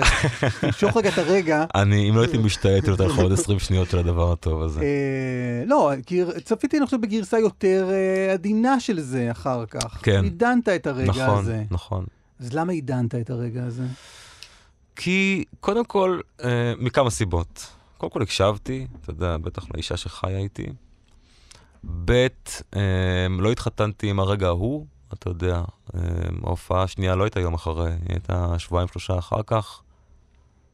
דיברתי עם אנשים, חוויתי דברים, הרגשתי דברים כלפי זה, גם אומנותית, עשיתי משהו שאתה יודע, אם עכשיו אני צריך לבחור מה היה יותר טוב, אז הייתי הולך לוורסיה 1. על הראשון. כן, אבל הלכתי על משהו שהוא, אתה יודע, שאני עדיין עומד מאחוריו, והוא לא התעקשות. לא רציתי להיות יותר מדי לא לעומתי, וגם לא להיות עכשיו חייב לעשות את זה בכל פעם שאני עושה הופעה. שוב, מתוך איזה רצון להיות אה, חופשי. אוקיי. עוד בענייני כנען, התנ"ך זה משהו שכאילו נמצא שם? כאילו אתה... היית צריך לפתוח את הפרשה הרלוונטית כדי לקרוא ולהיזכר במה כן. קורה שם בסיפור המרגלים? כן, זאת אומרת, אה, אה, השיר הזה נולד מתוך המשפט, קודם כל, מדרך ארוכה נכנען, שתמיד ידעתי שאני מתישהו אגיע למשפט הזה. אה, וכשבאתי לכתוב, כשניגשתי לכתוב את השיר, אז פתחתי, אבל אתה יודע, בחצי עין. גם ביקשתי מחברה שלי, אני אגיד את שמה נויה שגיב, היא מורה לתנ"ך, למה לא? שתשלח לי כמה אה, מילים. אני לא זוכר אם היא הספיקה לפני שהתחלתי לכתוב או לא. הסתכלתי, לא יותר מדי. וזהו. אני, אני הופתעתי לאורך הדרך שלך שיש שם, שם רפרנסים לבורא עולם, אמונה, כן. אה, מחר בעזרת השם. נכון. הודו לו- הודו הודו לשם כי טוב, ב... כן, מאני טיים. במאני טיים שלא נשמע, זה נשמע כן ואמיתי. נכון. הודו לשם כי טוב, כי לרוב טוב. אני בן אדם מאמין. גם בן אדם מאמין וגם בא ממשפחה מסורתית. מסורתית זה מה, זה שומרים שבת? אה, ההורים שלי לא, אתה יודע, הסבים והסבתות שלי משני הצדדים היו אנשים דתיים ממש. ההורים שלי שומרי מסורת, לא עד כדי אה, שמירת שבת, אה, אבל נגיד מטבח כשר, לא שני כיורים, אבל מטבח כשר, חגים כמובן, צומות. ובמרוצת השנים הם, הם, הם הרגיעו, ואני התמדתי. לא, זאת אומרת, לא מאוד התחזקתי. אני חושב שאני, מבחינת לפחות הריטואלים שאני מקיים, אני די באותו מקום. שזה מה? לשמור שבת? אתה נוסע בשבת? אני לא מופיע בשבת, אתה לא נוהג בכלל, נכון? אין לי רישיון. כן. זה לא קשור, זה קשור לסט. אמ- אמונות אחרות. כן, זה כן. פתר את האירוע. כן, אמ, אני לא מופיע בשבת, אה, אתה יודע, בשר חלב. אה, בשר חלב, כן? כן, פירות ים, חזירים. לא, לא נוגע לא. בפירות ים וזה. לא, לא. למרות ששוב, נראה לי טעים ואחלה, אבל לא בשבילי. כי, ברור לך תמיד שאתה מאמין באלוהים, ו... שוב, אה, קודם כל כן. כל פעם שאתה אומר אה, שוב, אני מרגיש נזוף, אתה יודע? לא, לא, אני גם לא יודע אם אני אומר שוב, לא אמרתי את זה קודם. אני שוב, אני מנסה. שוב, לא הקשבת, לא הקשבת לי, ואתה שואל את השאלה עוד פעם. אולי זה שאני מפנה כלפי עצמי. זה משתנה, אתה יודע, אני בוחן את זה כל הזמן. אה, לפעמים האמונה- שלי מתגברת, לפעמים היא נחלשת, אה, אבל היא כל הזמן שם. והריטואלים האלו שאני מקיים, חלק, זאת אומרת, הסיבה המרכזית היא גם להרגיש את הדבר הזה בצורה הכי מוחשית שאפשר להרגיש אמונה ב... במה שמופשט. אה, וגם זה חשוב לי באזורים אחרים לחלוטין של החיים. הגבול הזה, אה, האתגר הזה, אה, הדבר הזה שאני יודע שהוא הוא, הוא ייהרג ובל יעבור. אני לא, זאת אומרת, לא, לא משנה מה קורה, אני לא אוכל את זה ביחד עם זה. אז זה יותר קשור אז לאורחות חיים, וזה גבול שאתה שם לעצמך, ופחות גם קשור וגם. לזה ש... לא יודע, יפגע בך ברק עם... אה, אתה יודע, תמיד השאלה שלי נפגע בך ברק, אה, זה לא זה, אבל אתה יודע, זה מתחיל גם משם, יש גם פחד, כן, ברור. כן? כן. תשמע, אני התחלתי, תחשוב שאני התחלתי אה, לקיים את, את, ה, את, ה, את ההרגלים האלה, נגיד שהייתי בן 13. אה, לא נגיד, כשהייתי בן 13, מגיל מצוות. אז ברור שהיה בזה גם פחד. מה גם שאני בן אדם אה, שנוטה ללא קשר לאמונות טפלות, וללא קשר, או לא ללא קשר, סובל מ-OCD ברמה די גבוהה. אה, נשלטת. אתה יכול לסדר את ה... כן. אבל, אה, אבל קיימת. אז כן, יש גם את העניין שאם לא תעשה כך וכך, יקרה לך האמונה היא עוזרת? שאלה בכלל. כן. אתה לא מאמין, אתה, מבחינתך העולם הוא, הוא, הוא כאוס, הוא אקראי? לא. אין, אוקיי. במה אתה מאמין? אה, אני עוד עובד על זה. אוקיי. אני עובד על זה. אני לא גיבשתי את, אה, את ענייניי בגיל 13 ואני רץ על זה משם. אוקיי. אה, אני בתהליך. אני יכול לסדר לך את זה ברבע שעה. אני חושב שאני, זה בא והולך, כן, אבל אני חושב שכשאני בדאון, כן. אני לא מצליח אה, לאסוף את האמונה מהמם. ולהגיד, אוקיי, יש שם מישהו ש...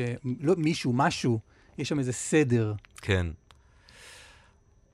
אולי סדר זה, אני, אני לא מחפש סדר, אבל אני לא יכול להתעלם אה, מכל מיני הקשרים שאני שם עליהם לב, מכל מיני סוגים. כן, אבל אני שואל האם ההקשרים האלה עוזרים. לי כן. לי כן. קודם כל, אתה יודע, במובן הכי בסיסי של, אה, אה, עוד לפני התוכנית הגדולה, של, של מוסר כלשהו, או איזשהו רצון להתכוונן אה, על מה שאנחנו מגדירים כטוב, כטוב ברור. כן. אה, לי זה עוזר. אה, גם אם זה לא תמיד מוכיח את עצמו, אבל לי זה עוזר. למה אתה קורא לא מוכיח את עצמו? שזה לא באמת עובד ככה שאתה יודע, אתה, אתה תהיה טוב, אנחנו רואים טוב, את זה. כן. ו- זאת אומרת, יש כל מיני וריאציות על הנושא, ואז כל מיני הסברים, אבל, אבל השביל הזה, שאתה בוחר לעצמך מול האלוהים המדומיין או הלא מדומיין שלך, ואיך שאתה מגדיר אותו ו- ואיך שאתה מרגיש אותו, אה, שבו אתה יודע שכדאי שתלך, ואם אתה לא הולך עליו, אז זה אומר שסטית ממנו, ואם סטית, אז אפשר לחשוב שנייה למה. אה, לי זה טוב.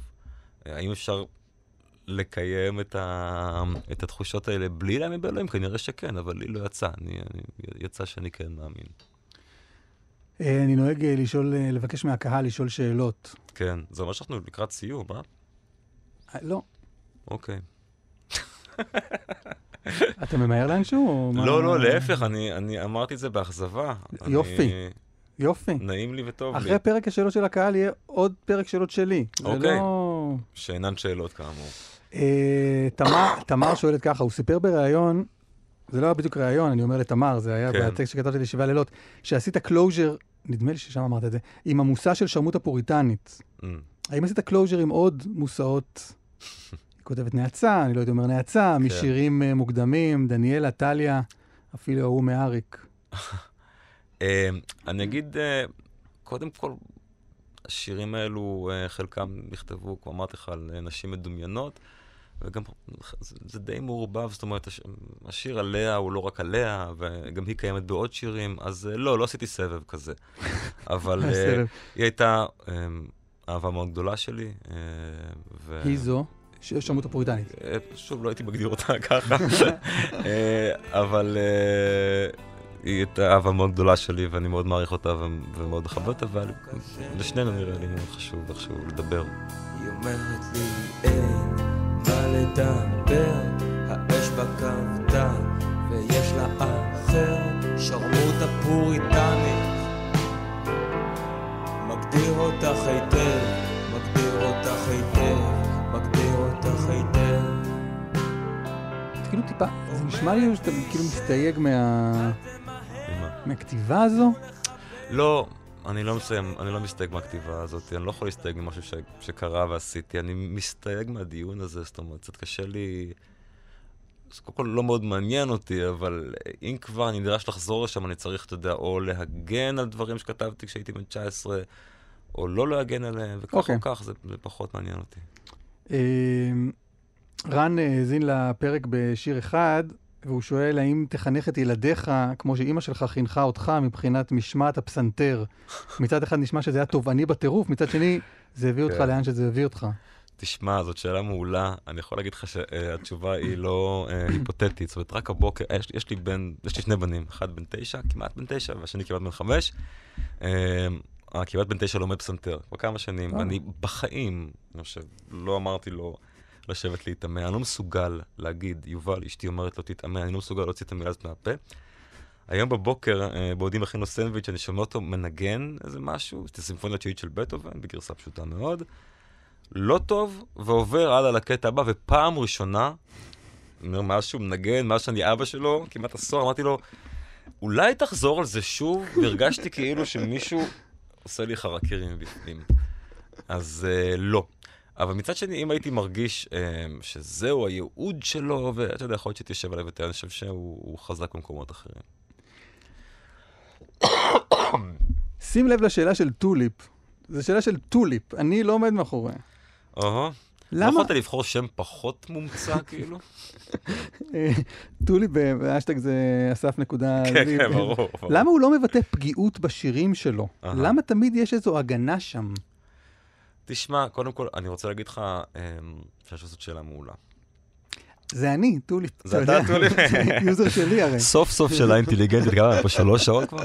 אמ, אני חושב שאני עובד על זה אמ, יותר ויותר ויותר. אני, אני, לא, אני לא מסכים עם האמירה הזאת שאין פגיעות ואני לא מבטא פגיעות בשירים שלי, אבל אני כן מחפש את המקום הזה.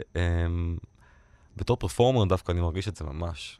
אמ, פעמים שאני עולה לבמה, בטח אם אני לבד, אתה צריך להקרין המון ביטחון, אתה יודע, ולהשתלט על החדר קודם כל, להגיד כאילו, אוקיי, אני... I'll be your host for tonight. Uh, ויש בזה משהו, מצב uh, שהוא מבטל פגיעות באיזשהו אופן. זאת אומרת, אחרי שאתה, אני אומר, הגעת, מהמם. אתה יכול לעשות כל מיני דברים, אבל בטח אם אתה לבד על במה, זה מאוד מאוד קשה לשחרר עד למצב שאתה באמת, אה, אה, באמת פגיע. וזה מקום שדווקא בהופעות אני חוקר יותר ויותר. אה, ככותב, אני, שוב, אני יכול להבין, אני לא יודע איזה שירים אה, טוליפ שמע ואיזה לא שמע, אני חושב שיש שירים שמבטאים פגיעות באופן אולי אפילו מוגזם. אה, כמו מה? שוב, אני חושב שאתה יודע, דיברנו על המאהב של אשתך, זה שיר שיש בו הרבה פגיעות, אה, אל תתעלמי ממני, זה שיר שיש בו הרבה פגיעות. אה, אפילו אריק, אתה יודע מה, כאילו, שהוא, שוב, יש, הוא במעטפת של איזה, אה, מה שאנשים קוראים ציניות או אירוניה, אה, ויש שם הומור, ויש שם חריזה ופאנצ'ים, אבל הוא שיר פגיע. כשאת במיטה שלי, אל תדברי על אריק, אל תדברי על אריק. אני והזה שלי לא אוהבים את אריק. אריק גורם לנו להתכווץ. אל תדברי על אריק. זאת אומרת, אה. מהאסנס שלו, אה, הוא על פגיע. אני- חושב שזה. לא מעניין אותי לפחות ל- לתרגם את הפגיעות באופן שבו השיר הזה מתרגם אותה, שהוא עושה איזה מין סלטה כפולה ובסוף כאילו הוא גם קאובוי.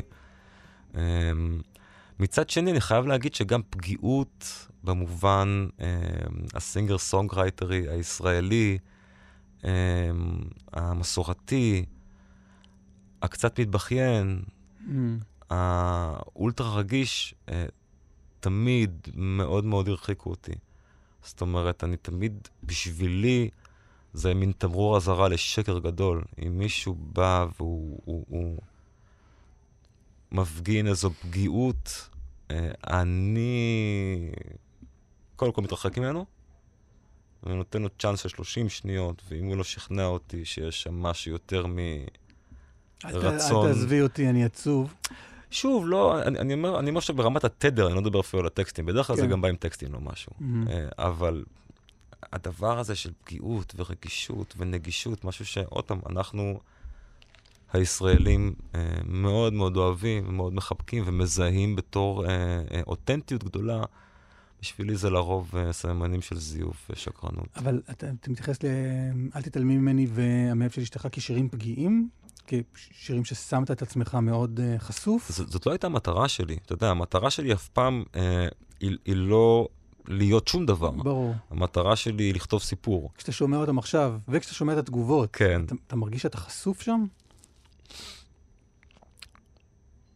כן, אבל זאת לא התחושה המרכזית. זאת אומרת, אני ממש, אני מתייחס לזה בתור יצירה, אני מרגיש שאני מבוטא היטב. שמה שזה לא יהיה, הפגיעות, אה, אה, אפ- אפילו העלבון, מה שזה לא יהיה, זה הפך למשהו שהוא עומד בפני עצמו. אתה יודע, אני שומע את המאהב של אשתך, ברור שיש בו יסודות אוטוביוגרפיים, אין, ויש שם הרבה כאב, אבל אני נהנה ממשהו אחר, זאת אומרת, זה כבר לא מעניין אותי, זה קרה, את זה חוויתי. עכשיו אני מסתכל על זה בתור דבר, בתור סיפור, שמתחיל במקום מסוים, נגמר במקום מסוים, ואני נהנה מזה, מהארט. יש לי שאלה שאני אוהב לשאול, ואני אף פעם לא מקבל תשובה שאני אוהב, אבל אני כל כך. אוהב את השאלה שאני הלוואי מתמיד שאני בה. אהיה הראשונה שתשמח אותך. אם אני, אאזין לכל שיריך ברצף, מה, שעשיתי, כן. אתה צוחק מה הקטע, הקטע אולי כן, אני? מרחם עליך כבר, אף למרות שזאת היפותזה, כן. לא, לא, לא, אל- כן. אל ת... ברצף? אני רוצה לשמוע משהו ברצף. אמ, עזוב ברצף. כן, לצורך העניין, אני מכיר את כל שיריך. אוקיי, אני, אני בקיא באוטוביוג- באוטוביוג- באוטו- בביוגרפיה שלך. כן. אתה חושב שאני מכיר אותך? אני חושב ש... קודם כל כן, אבל אני כן חוזר לטוליפ, אני חושב ש... שיש בי צד, יש בי כל מיני צדדים אני מקווה, אבל גם משהו מהאזורים האלו, הם... שעוד לא מספיק בא לידי ביטוי. מבחינתי, וואו. לא מבחינת מה זה יעשה לך אם תשמע את כל השירים שלי ברצף, יש תמות כאילו, overdose של משהו. אבל כן, אני חושב שאתה יודע, נראה לי שזו תופעה כללית שאתה מנסה, ככל שאתה מתבגר, אה, לזקק אה, מה באמת חשוב, מה לא, מה, מה היה המסכה, מה היה המסכה שהתרגלתי, אל- שהתרגלת אליה, איפה אתה הפנימי, ש, ש, גם אם אתה לא אומן, שהעולם לא חווה ולא מקבל ולא פה, אתה יודע, אז כל מיני דברים כאלה. אבל כן, בגדול אתה די מכיר אותי, אין, אין שם הרבה. זה זה. אין שם הרבה. זה כל, כל, מה, ש. כל מה שהיה לי נתתי ב. במילים ובלחנים שאתה מכיר. אפשר היית יכול לעצור ב-21, וזהו. תשמע, זה די, זה די מתמצת הכל. אה, שאול אולמרט שואל, שאול אולמרט עצמו? למה הפסקת לבוא למכון כושר? Um, אני, קודם כל, אם זה שאול שאני חושב, uh, אז זה היי שאול. כמה שאול אולמרט יש? אה, אה, שמסתובב שאולי, בטח לא, גם את אח שלו אני מכיר. Um, אני אני אחזור, uh, יצאתי, כי הייתי בחו"ל, חזרתי, אבל אני עדיין מתאמן שאול. חו"ל זה עכשיו- גרמניה? כן, הייתי בגרמניה חודשיים, uh, on and off, אבל uh, כן. שם עשית, אתה כאילו, אתה בענייני כושר? אתה... אני בענייני ספורט, uh, אני לא בענייני כושר, אני בענייני uh, לא להיות בדיכאון, uh, ואני בענייני, כן, ספורט. ואני... ספורט מוציא מדיכאון? כן. זאת אומרת, כמו שחבר שלי אומר, אה, אל תספר לי שאתה מדוכא אם, אתה- אם אתה לא עושה ספורט כל יום חצי שעה עד שעה ביום, אל, אל תתחיל לספר לי אפילו שאתה סובל מדיכאון. אה, אה, אתה לא עושה ספורט? כן, כן. אני רץ. אתה נראה לי, אתה רץ, אז נו, אתה יודע, כן. בטח. אבל לא אני- תמיד אני מקשר. כלומר, אתה תנס, אומר את זה, אתה להפסיק, אומר... תנסה להפסיק עם הריצה לשבועיים. אתה לא, תתקשר, אתה אומר, לא, כן. אני לפעמים מפסיק, ואני לא תמיד מקשר בין הדאון שמגיע לבין... בטח. קשה, יש הרבה סיבות לדאון, אבל אה, אני כל יום עושה משהו. זאת אומרת, או ריצה, או נכנס לאיזה... רץ ממש, כאילו? כן. מה, ריצות ארוכות? לא, חמישה קילומטר. במכון או בחוץ? בחוץ. איפה אתה. רץ? חוף הים. וואלה. כן. אנשים רואים אותך וצועקים לך דברים? ואני רואה אותם. לא, לא, אני, אתה יודע, לא בשביל להסתתר, אבל אני רץ עם כובע, משקפי שמש, אני גם, אני גם, פרצוף שלי לא כל כך מוכר. זאת אומרת, אה, תתפלא. אני, בטח אם אני עם משקפיים, אפילו משקפי ראייה וזה, אני, אנשים שאוהבים אותי, פעם הייתי בסיני, לא מזמן, נסעתי לבד, וביליתי שם ארבעה ימים עם מישהי, שכל הזמן אמרה לי, אתה נורא דומה לחנן בן ארי, אמרתי, אוקיי, בסדר. ובסוף, זאת, ביליתי איתה, אני אומר, זאת אומרת, היא הייתה חושה לידי, הייתה עם חברה, ובסוף היא, היא קלטה, היא אמרה לי, אתה לא מבין, אני, כל הזמן הזה אני שומעת אותך באוזניות, היא לא זיהתה אותי, זאת אומרת, הייתי מולה... היא שומעת אותך, כלומר, היא שומעת את חנן כן, בן ארי? לא, לא, אותי. אותי הכפית של חנן בן ארי. אמרה לי, למה לא אמרת שזה אתה? אמרתי, לא יודע, לא שאלת, אמרתי שאני כן. דומה למישהו אחר, מה אני אגיד לך? היית לבד בסיני? כן, זה לא מה שקורה הרבה, וזה לא יקרה הרבה בזמן הקרוב, אבל נסעתי לכתוב, אחרי שיצא האלבום הראשון, האלבום הראשון, החלק הראשון של האלבום, אמ, נסעתי, כתבתי, חמישה ימים, שאוט אאוט לאשתי, שנשארה לבד עם הילדים. הייתה חוויה מאוד טובה. אה, כי כשאתה נוסע לכתוב במקום, אז קודם כל הניחוש הראשון שלך יש שאתה לא תכתוב כלום כנראה, כי זה הרבה לחץ. ובאופן מוזר פשוט כתבתי, כתבתי, כתבתי, תרגמתי, כאילו, זה- זה- זה- השתכרתי. זה- זה טקסטים? אה, ולא, עשיתי עם גיטרה, וגם בחוף שבו הייתי, אה, מנהלת החוף החמודה, ורד, מאקווסן, היא אפילו דאגה לי אה, לפסנתר לא. חשמלי בחושה. אז היה שם רגע שבו ראית אה, שני בדואים סוחבים פסנתר חשמלי, ויכולת לתהות האם באמת שם. יפה. אה, אבל, כלומר, כמה שכיח הדיכאון הזה, אם אתה לא... לא עניין של דיכאון, זה עניין של מצב. אתה יודע, אני לא נוטה לדיכאונות, אה, אני יכול להיות עגמומי כמו כל אחד, אבל אני פשוט מעדיף שלא. אני, אני הבנתי שאם אם אני מתחיל את היום שלי בזה שאני מקדיש שעה, או לריצה, או להליכה מהירה, או למכון, או לפילאטיס, לא משנה מה בכלל, תזוזה של הגוף, אה, הכל נראה אחרת. רשמתי לפניי, מבקש ממאזיניי... שוב, אה, אני- כן, כן. מבקש ממאזיניי אה, לכתוב. אה, ג'יימס שואל פעם אחת ולתמיד איך היא הכירה את ג'ייסון ולמה fucking נתניה, ותגיד לו שיחזיר את ה stories באינסטגרם. אוקיי. מילא ניו יורק, מילא הריביירה, מלון ב fucking נתניה בשבוע של פרימיירה, על זה אני לא אסלח לך לעולם. את ה stories באינסטגרם? כן, הנה, נתתי לך משהו להתייחס אליו. כן. אה, כן, זה קרה באופן ספונטני, זאת אומרת, אני אני מניח שרוב האנשים ששומעים את יש לך השיחה הזאת איזה לא יודעים מה משהו שאתה זה. מכנה אלטר אגו, אני לא מכנה את זה ככה, זה התחיל לא בזה, מכנה את אני זה לא- ככה. זה התחיל בזה שפשוט במקום לצלם דברים שאני שונא את זה, ואין לי את האינסטינקט הזה שיש לאנשים צעירים יותר, שקורה משהו, הם- הם הם מתעדים אותו, אז התחלתי לתאר את התמונות, נגיד תמונה של אסף ליברמן עם אוזנייה אחת אה, אה, מהנהן אה, ומעליו אה, השעה שתיים ורבע, מיקום אה, אולפני כאן, מקליטים, כאלה, אה, טקסטים במקום תמונות, זה הלך והידרדר. ונוצר איזה מין אלטר אגו שאתה שואל, כאילו, אם אתה מכיר אותי, אז אם אתה רוצה באמת להכיר אותי, זה הכי דומה. אמ, איזה מין משהו מאוד מופרז ומאוד קיצוני, שמאוד כיף לכתוב. יפה, אה, כן. אה, מומלץ בחום. זה לא קיים כבר. אה, למה אתה לא זה עושה את זה אז? ב highlights, כי נמאס לי. כי זה נהיה כמו עוד דבר שצריך לעשות, אתה יודע, בסוף. אה, כאילו אוקיי. זה היה כיף, ואז פתאום כאילו זה נהיה... נהייתה עבודה קצת. לא, מאוד אהבתי את זה כשהיית בפרימוורה בשנה שעברה, נכון. אז מאוד אהבתי ש... הייתי אישה.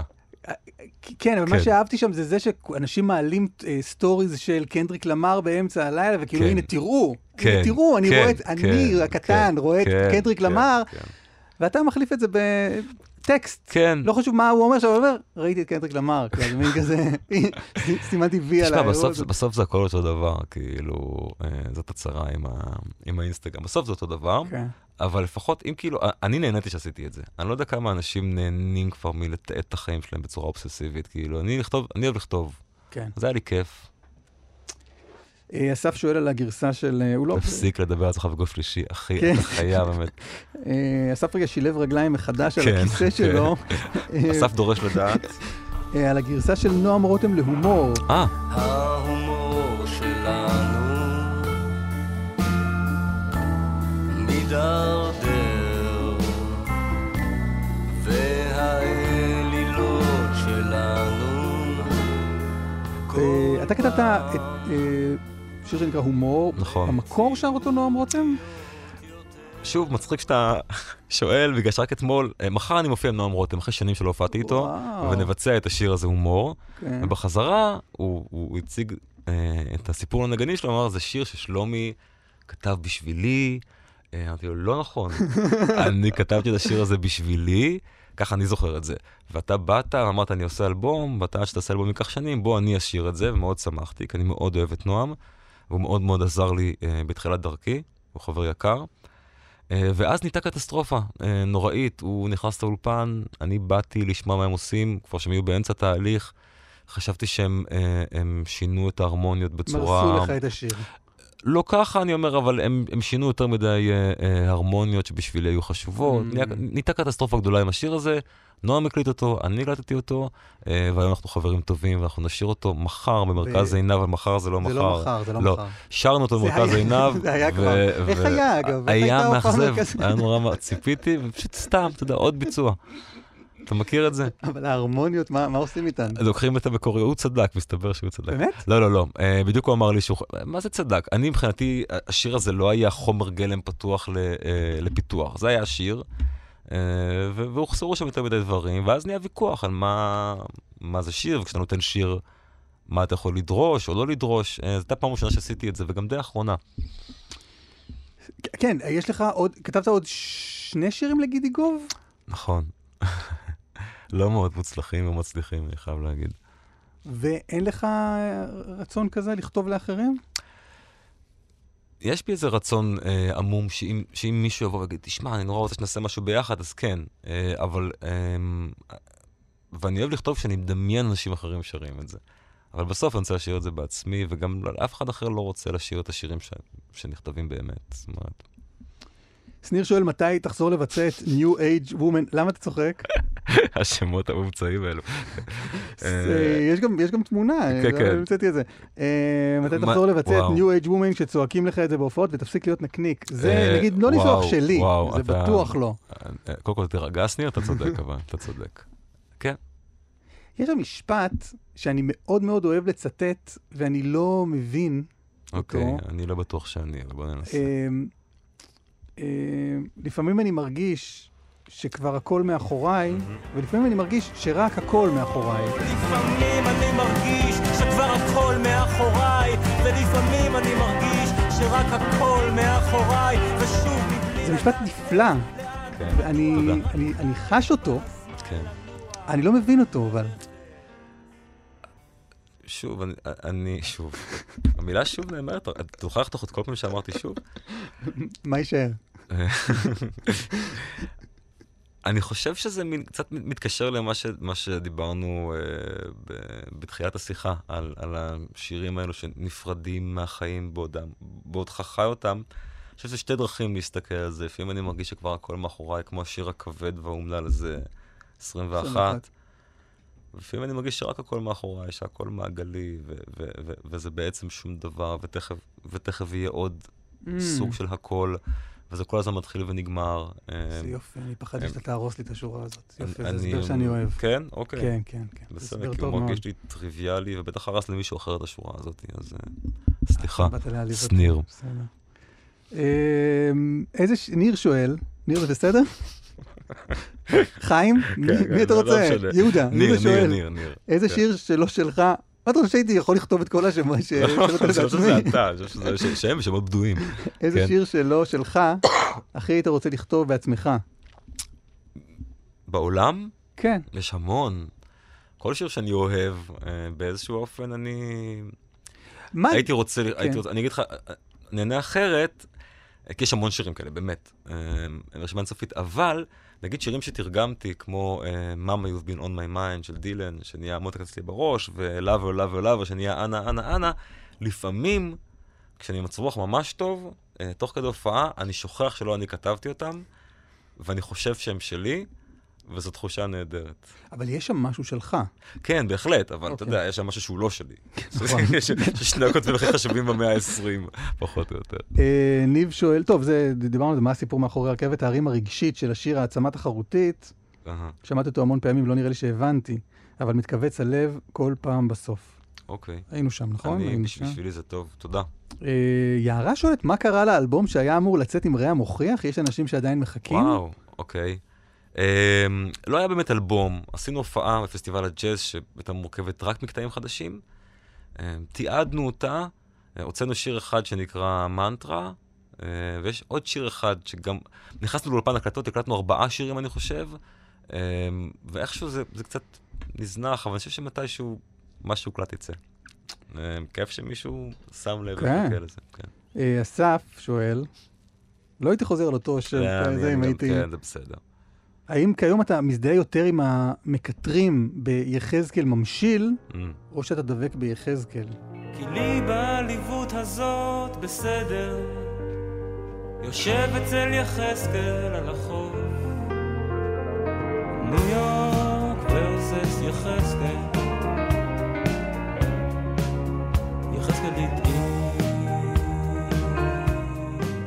אני, אני מזדהה מעט יותר עם המקטרים, במרכאות כפולות, אה, אבל השורה התחתונה היא כנראה אותה שורה תחתונה עד להודעה חדשה, ש, שכנראה שבשבילי, אה, כרגע, אה, ולא כרגע, וואי, כמה הסתייגויות. כמה הסתייגויות, שוב, אה, כן. זה המקום, וואו, אבל יש לך מחשבות. אחרות גם? אף פעם לא היו לי באמת, שוב, אני... אני... וואו. שמע. לא, עכשיו אני יכול לשים לב רק לזה. אני מצטער, ערפת אותי. אני מצטער. היה לך קודם, אני לא רוצה להתעכב על זה, אבל היה לך קודם. ששאלתי אותך שאלה ואמרת לי, ואמרת לי, לא, בהחלט. האם זה זה וזה? לא, בהחלט. אני, אוקיי. לא לגמרי בפוקוס. אה, אף פעם לא היו לי מחשבות כאלה, למרות שגרתי בחו"ל שלוש שנים, אז אני יודע כמה זה לא טוב לי, אבל גרתי כשהייתי בן 18, אז אני לא רוצה לעשות... אה, אה, אבל לא, אני לא מתכנן להיות בשום מקום אחר. אבל מן הסתם, ברצף המאוד מאוד אה, אומלל שאנחנו חווים בשלוש השנים האחרונות, גם המחשבה על איפה אני רוצה שהילדים שלי יגדלו, חלפה בראשי, והיו כל מיני תשובות. אני רגע עוצר. נועה, מצב להביא עוד מים? כן, אני שמתי לב, אני הבחנתי. יבש. אני הבחנתי ב... אתה מרגיש את זה? כן, לא, ראיתי אותך בוחן את הכוסות בעיקר. אוקיי. תודה, תודה מראש. גם את האלכוהול כבר אפשר להוציא, לפי דעתי, כאילו, למה אנחנו מחכים? איתי שואל אם אתה עדיין משמר את אה, שריר המוזיקה הקלאסית, או כמו שהוא כינה את זה, לנסות לרצות במשך חמש שעות מישהו שמת לפני מאה שנה. כן, זה שלך, נתת את זה? לא, זה שלו, זה מצחיק. והוא כותב את זה עליך. אה, אה, כן. לא, משפט טוב, אני חשבתי ש... אני לא בטוח שהוא שלי. אוקיי. אה, אני מתאמן, נגיד היום בבוקר, הבוקר, ניגנתי סולמות, תרגילים, אני עושה את זה מדי פעם. ואני מאוד לא בכושר, אגב, זה היה מאוד מדכא. דוד שואל מה יגרום לך לייצג את ישראל באירוויזיון. אה, אני חושב שרק אה, שימוש יתר ב- בסמים הלא נכונים. ומצוקה כלכלית שאני לא מאחל לאף אחד. אה, אוקיי, אז יש דרך. זה עוד יכול. לקרות. כן, כן, זה עוד יכול לקרות, כן, כן. We're going there. דור שואל, מתי חוזרות הופעות כובע? אה, זה אף פעם לא היה... מה זה משהו שגנבתי מקורין אלעל, החמודה, שפעם באתי להופעה שלה, והיא העבירה כובע בין הקהל, היו בו נגיד 20 אה, שירים, וכל אחד משך, אה, עבד על אקראיות של, על סדר השירים. אה, כל אוקיי. אחד, תודה רבה לך. כל אחד משך אה, פתקית, וואו, סליחה על זה גם, ו... ונוצרה מין הופעה כזאת ש... שניזונה מזה, זה מאוד כיף. נגיד, בפעמיים שעשיתי את זה, אה, פעם, בפעם השנייה, אם אני לא טועה, השיר הפותח היה אריק, נגיד, מה שאני בחיים לא אעשה, זאת אומרת, אני לא אפתח עם השיר הזה. ברדי שואל, מה הקשר בינך לבין ג'קי כהן מעצמה תחרותית? אמ, אני חושב שהוא מאוד רחוק ממני, אמ, ויש כמה נקודות, נגיד, אני חושב היחסים שלו עם אבא שלו, זה משהו שאני חושב שהוא יותר עני, יש שם איזה מין אבא כזה מזרחי, דאגן, אמ, שמנסה לעודד אותו, אה, והוא קצת מתנפל עליו, ואז מרגיש רע, ועדיין זה גורם להיות רק יותר אה, אה, נרקסיסט ו- ו- ולהתחפר יותר בעצמו. משהו ביחסים עם אבא שלו, אה, ועוד כמה נקודות. אה, אני חושב שגם אני מרצה בליווי פסנתר חשמלי באיזשהו אופן, זאת אומרת, במובן הזה אנחנו דומים. שאלה ב' במה אתה באמת באמת טוב? storytelling. תודה רבה. באותו הרגע נולד הקונספט של הרצאות בליווי פסנתר חשמלי. באותו הלילה כתבתי את תקוות גדולות שאתם מקבלים כרגע. טייקון נשמה ההון שבפנים. וכמובן את הלהיט, יחסי מרות, הצד שלו, הצד שלה. הרצאה משותפת עם יעל, רשומון זוגי מרתק, מימי המכינה בבצלאל, ועד המציצה המפורסמת לכאורה, הייתה או לא הייתה, ואיך הייתה אם הייתה. תצטרכו לבוא להרצאה, פשוט להחליט בעצמכם. אה, ויקטור שואל, who the fuck is טליה? טליה. אמ, טליה היא מישהי שלמדה איתי בתיכון, אמ, מקסימה, שדווקא זה, זה שיר מאסופת השירים ההיא, שנחשבת אה, קוצנית, אה, מין שיר כזה שאומר שאם הייתי עם מישהי כמו טליה, אז אה, אה, העולם לא היה... היית איתה? לא. האמת שהיא היא, היא סיפרה לי שכשהיא למדה בסם שפיגל, היא ידעה שזה עליה, למרות שלא היה בינינו אף פעם שום דבר רומנטי. קוראים אה, לה טליה? קוראים לה טליה לביא, אה, היא במאית אה, מדהימה. טליה- אה, אה, טליה לביא. זאת, כן. כן. אמ, אני מרשה לעצמי להגיד, כי זה שיר אה, שהוא הוא לא חיובי. טוב, בוודאי. אז היא אמרה לי שבלילות החשוכים בסם שפיגל אה, בירושלים, הקרירה, היא הייתה שומעת את השיר הזה בשביל להתעודד, וזה מאוד אה, שימח אותי. הייתה חושבת עליך. לא, אה. לא, אני חושב שגם אחרי, גם בטמפרטורה ההיא, אחרי השיר הזה אני לא הייתי אופציה בשבילה, הייתה באמת לא בליגה שלי.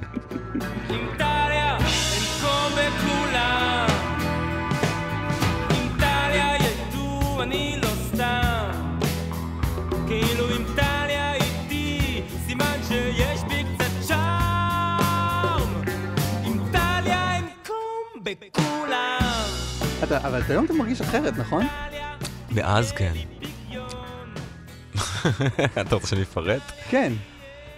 תשמע, כאילו, אם לא. אתה שואל אם אני מרג- אם אני כבר לא מרגיש אה, חסר ביטחון כמו שהרגשתי בגיל 19-20, לא, אבל אם... לא, אני, רגע, אבל לא, יש כאן הרבה, הרבה מאוד הנחות קודמות. כן. היית מאוד חסר ביטחון בגיל 19-20?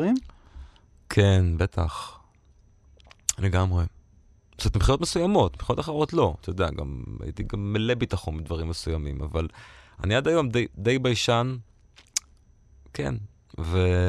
אה, מה זה אומר? זה אומר שלמדתי להתנהל בסיטואציות מסוימות, נגיד כמו המפגש הזה איתך, בטח במפגשים, אה, אתה יודע, עם קהל, בצורה, גם זה אולי מתקשר למה ששאלו אותי קודם על הפגיעות, בצורה מסוימת, אה, אני יכול להתנהל בזה. Hmm. אבל כשאני פוגש אנשים חדשים, נגיד, או עכשיו, אני בקבוצת לימוד, אני עם עוד אה, 12 אנשים, בקבוצת לימוד אנחנו לומדים תלמוד. אשכרה. כן. איפה, מה המסגרת? אה, מרצה, אה, מנחה, אה, שקוראים לה חיה גלבוע, אה. אה, מרתקת, וזה התחיל בקבוצת נשים, שאשתי הייתה אה, חלק ממנה, ועכשיו לראשונה היא מלמדת גברים, ונגיד בפתח כל מפגש כזה, אז שואלים כל אחד, אוקיי, מה שלומך? וכל אחד צריך לדבר חמש דקות. אתה לא יכול לתאר לעצמך אה, מה עובר עליי. כשאני צריך לספר בחמש דקות האלה מה שלומי, אני מסמיק ו- ו- ומזיע, וזה נורא קשה לי. זה אנשים שאני, אולי בגלל זה, מאוד uh, מעריך, ואתה יודע, וכיף לי, כולם נורא נחמדים. ותמיד נדמה לי שאני הבן אדם שהכי מתרגש בחדר מ... אתה יודע, מלהגיד מה שלמה. אז נראה שיש בזה ביישנות כרונית שלמדתי לשלוט בה.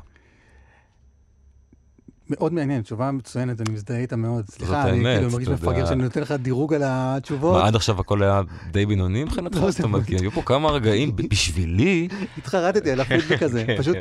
מה שרציתי באמת להגיד, שאני כל כך מזדהה עם התשובה. זה מה שרציתי אוקיי, להגיד, סליחה. אוקיי. אה, יפתח שואל, אם יש לך בושה באומנות, או אולי בלי להשתמש במילים קשות, משהו שלא תכתוב עליו.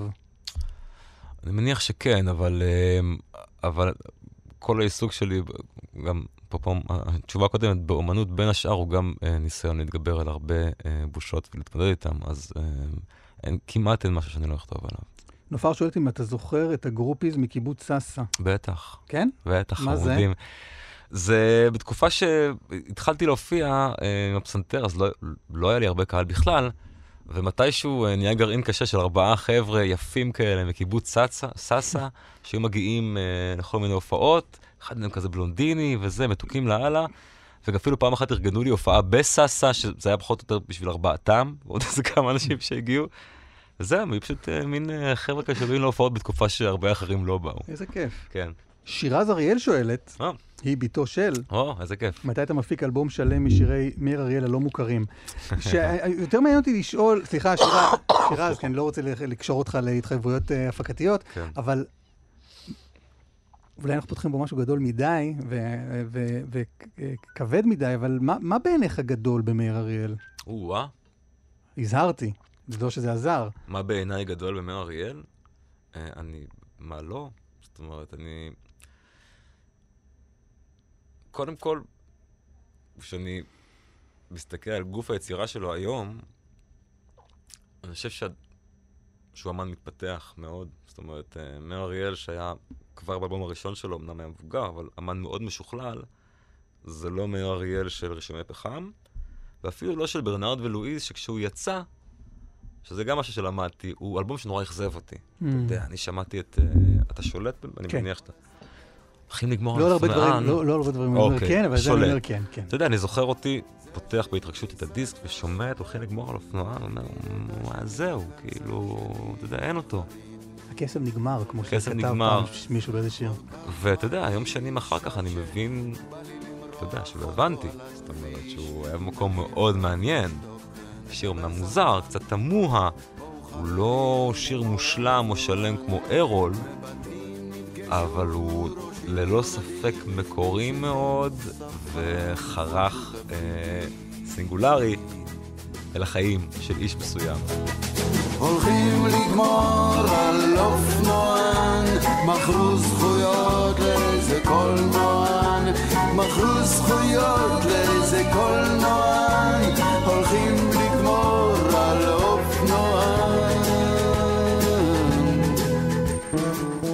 סליחה שאני מדבר על, יצירה כל כך טובה בניסוחים כל כך אה, אה, מדהימים.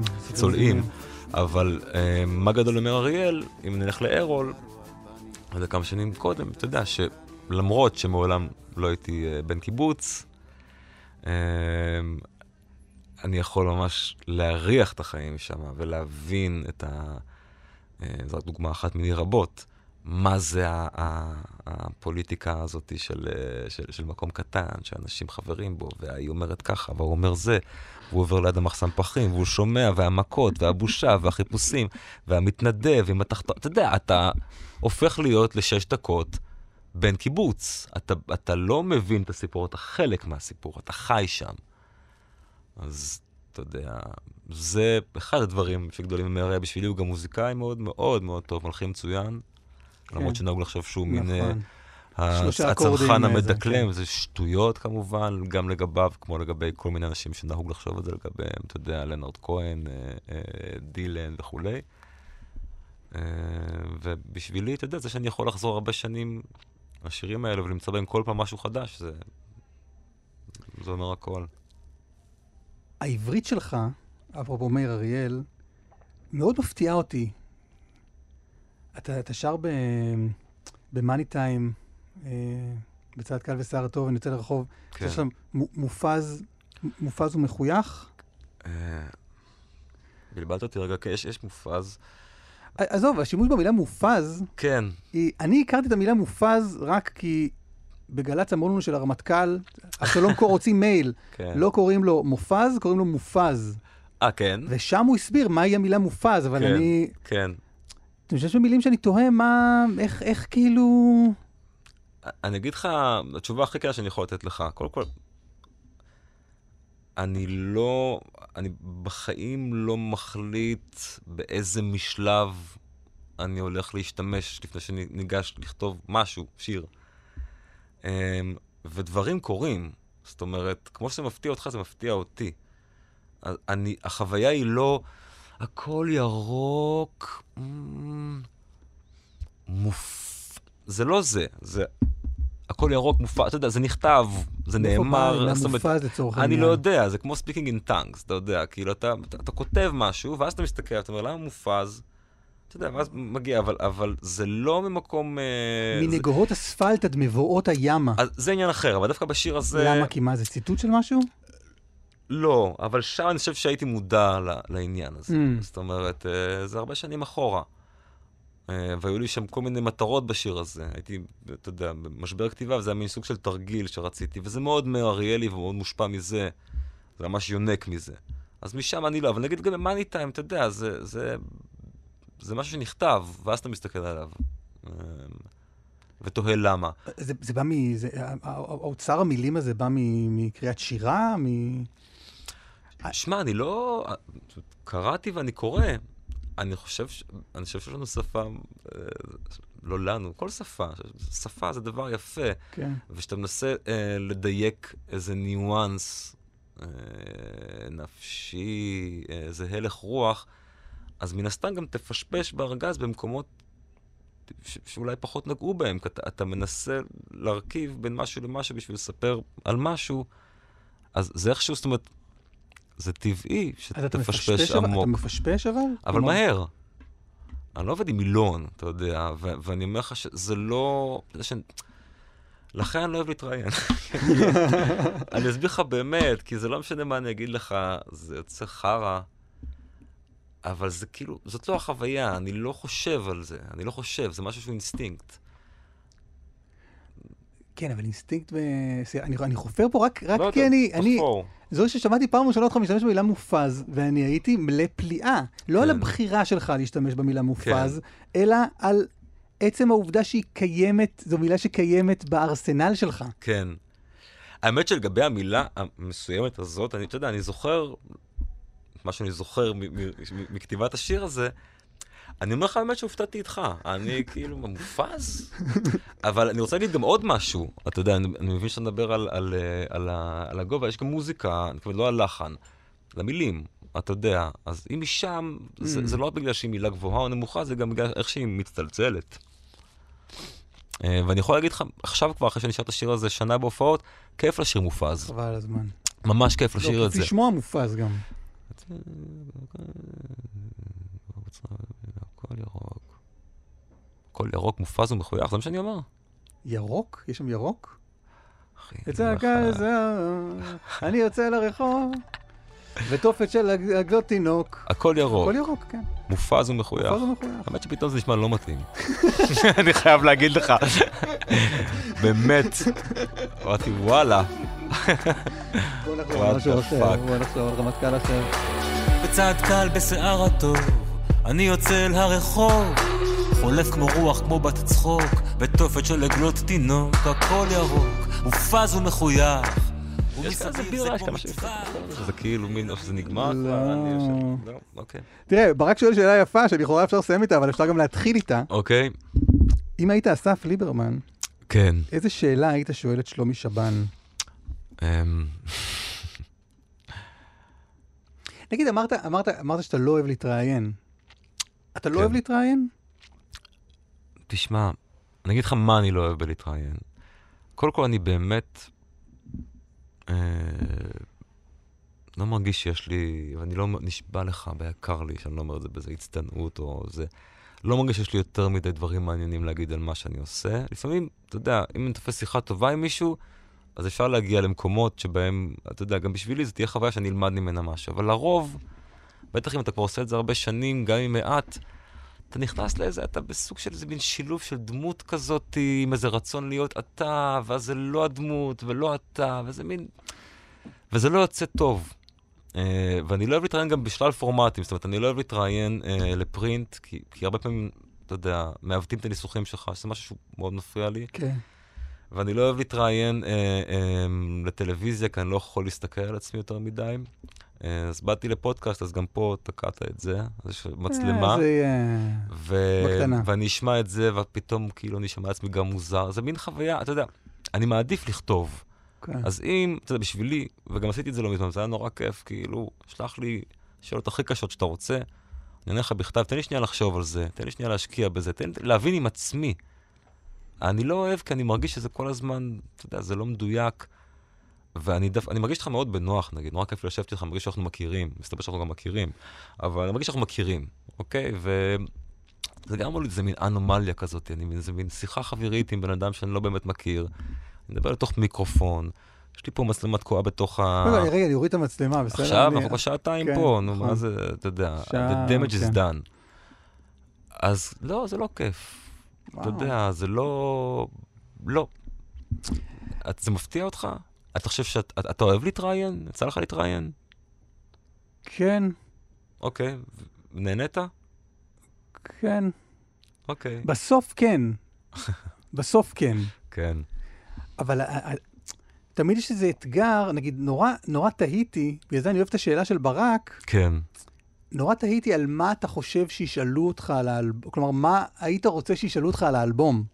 כי אה, יושב, לצורך העניין, זה כמו שאומרים ששופטים אה, לא מתראיינים על פסקי הדין שלהם, מהמם. כי אתה, אתה, רוצה, אתה רוצה לשאול אותי משהו? כן, כתבתי פסק דין, תקרא, עליו, כן, 800 כן. עמודים, תקרא. כן. אומר, שלומי שבן אה, הוציא עוד פרויקט בשני חלקים, ו- וטרח, והשקיע, והקליט, וכתב, וכל הדבר הזה וזה, כן. עכשיו, מה אתה רוצה שתראיין? מה- כן. יש שם שיר, מה אתה רוצה עכשיו, שאני כן. אסביר את השיר? כן. מה מה הרעיון בזה? כן. אבל בסדר, אני זה מה שאני עושה. מהמם. ולכן השאלה של ברק היא שאלה מעניינת בעיניי, של כאילו, מה- מה היית רוצה שישאלו אותך?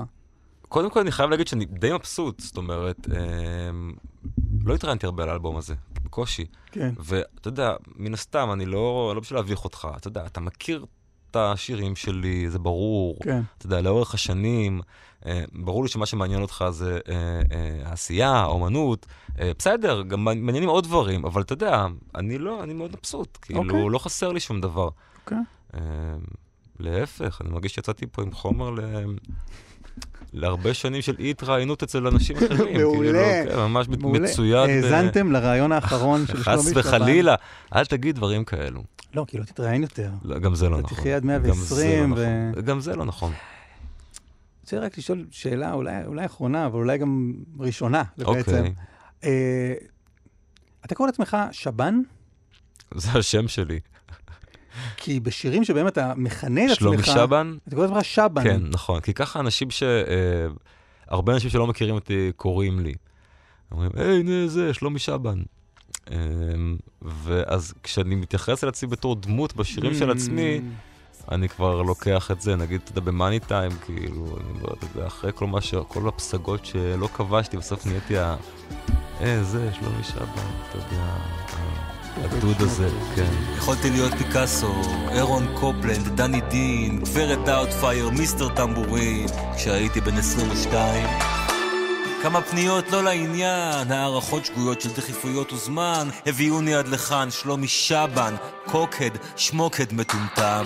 אני לא רוצה גם להיגאל. בבברלי הילס 9210. נכון. אה, אני חושב ששם זה. עניין שפשוט, איך שזה התלבש על המוזיקה, זאת אומרת, שלומי שם, Mm. כן.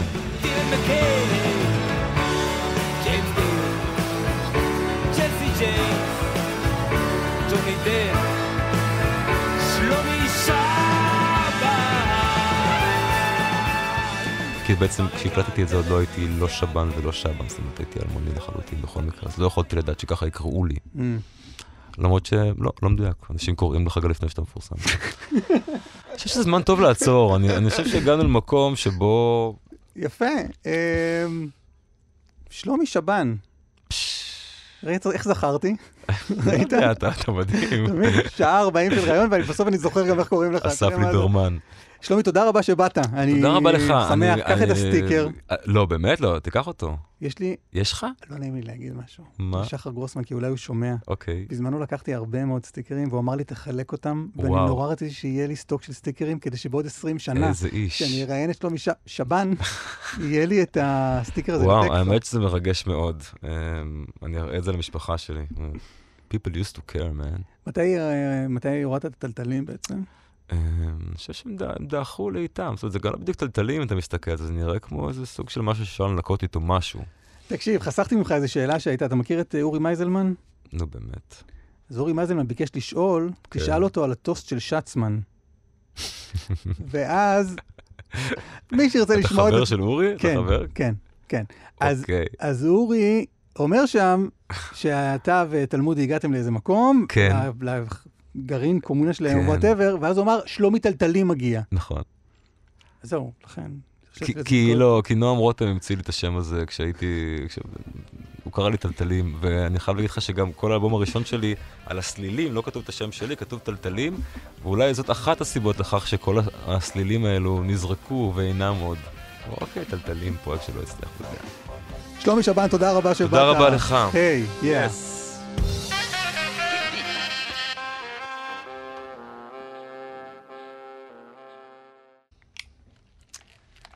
נו, תגיד- היו בסדר? תגיד אתה. לי היה כיף מאוד.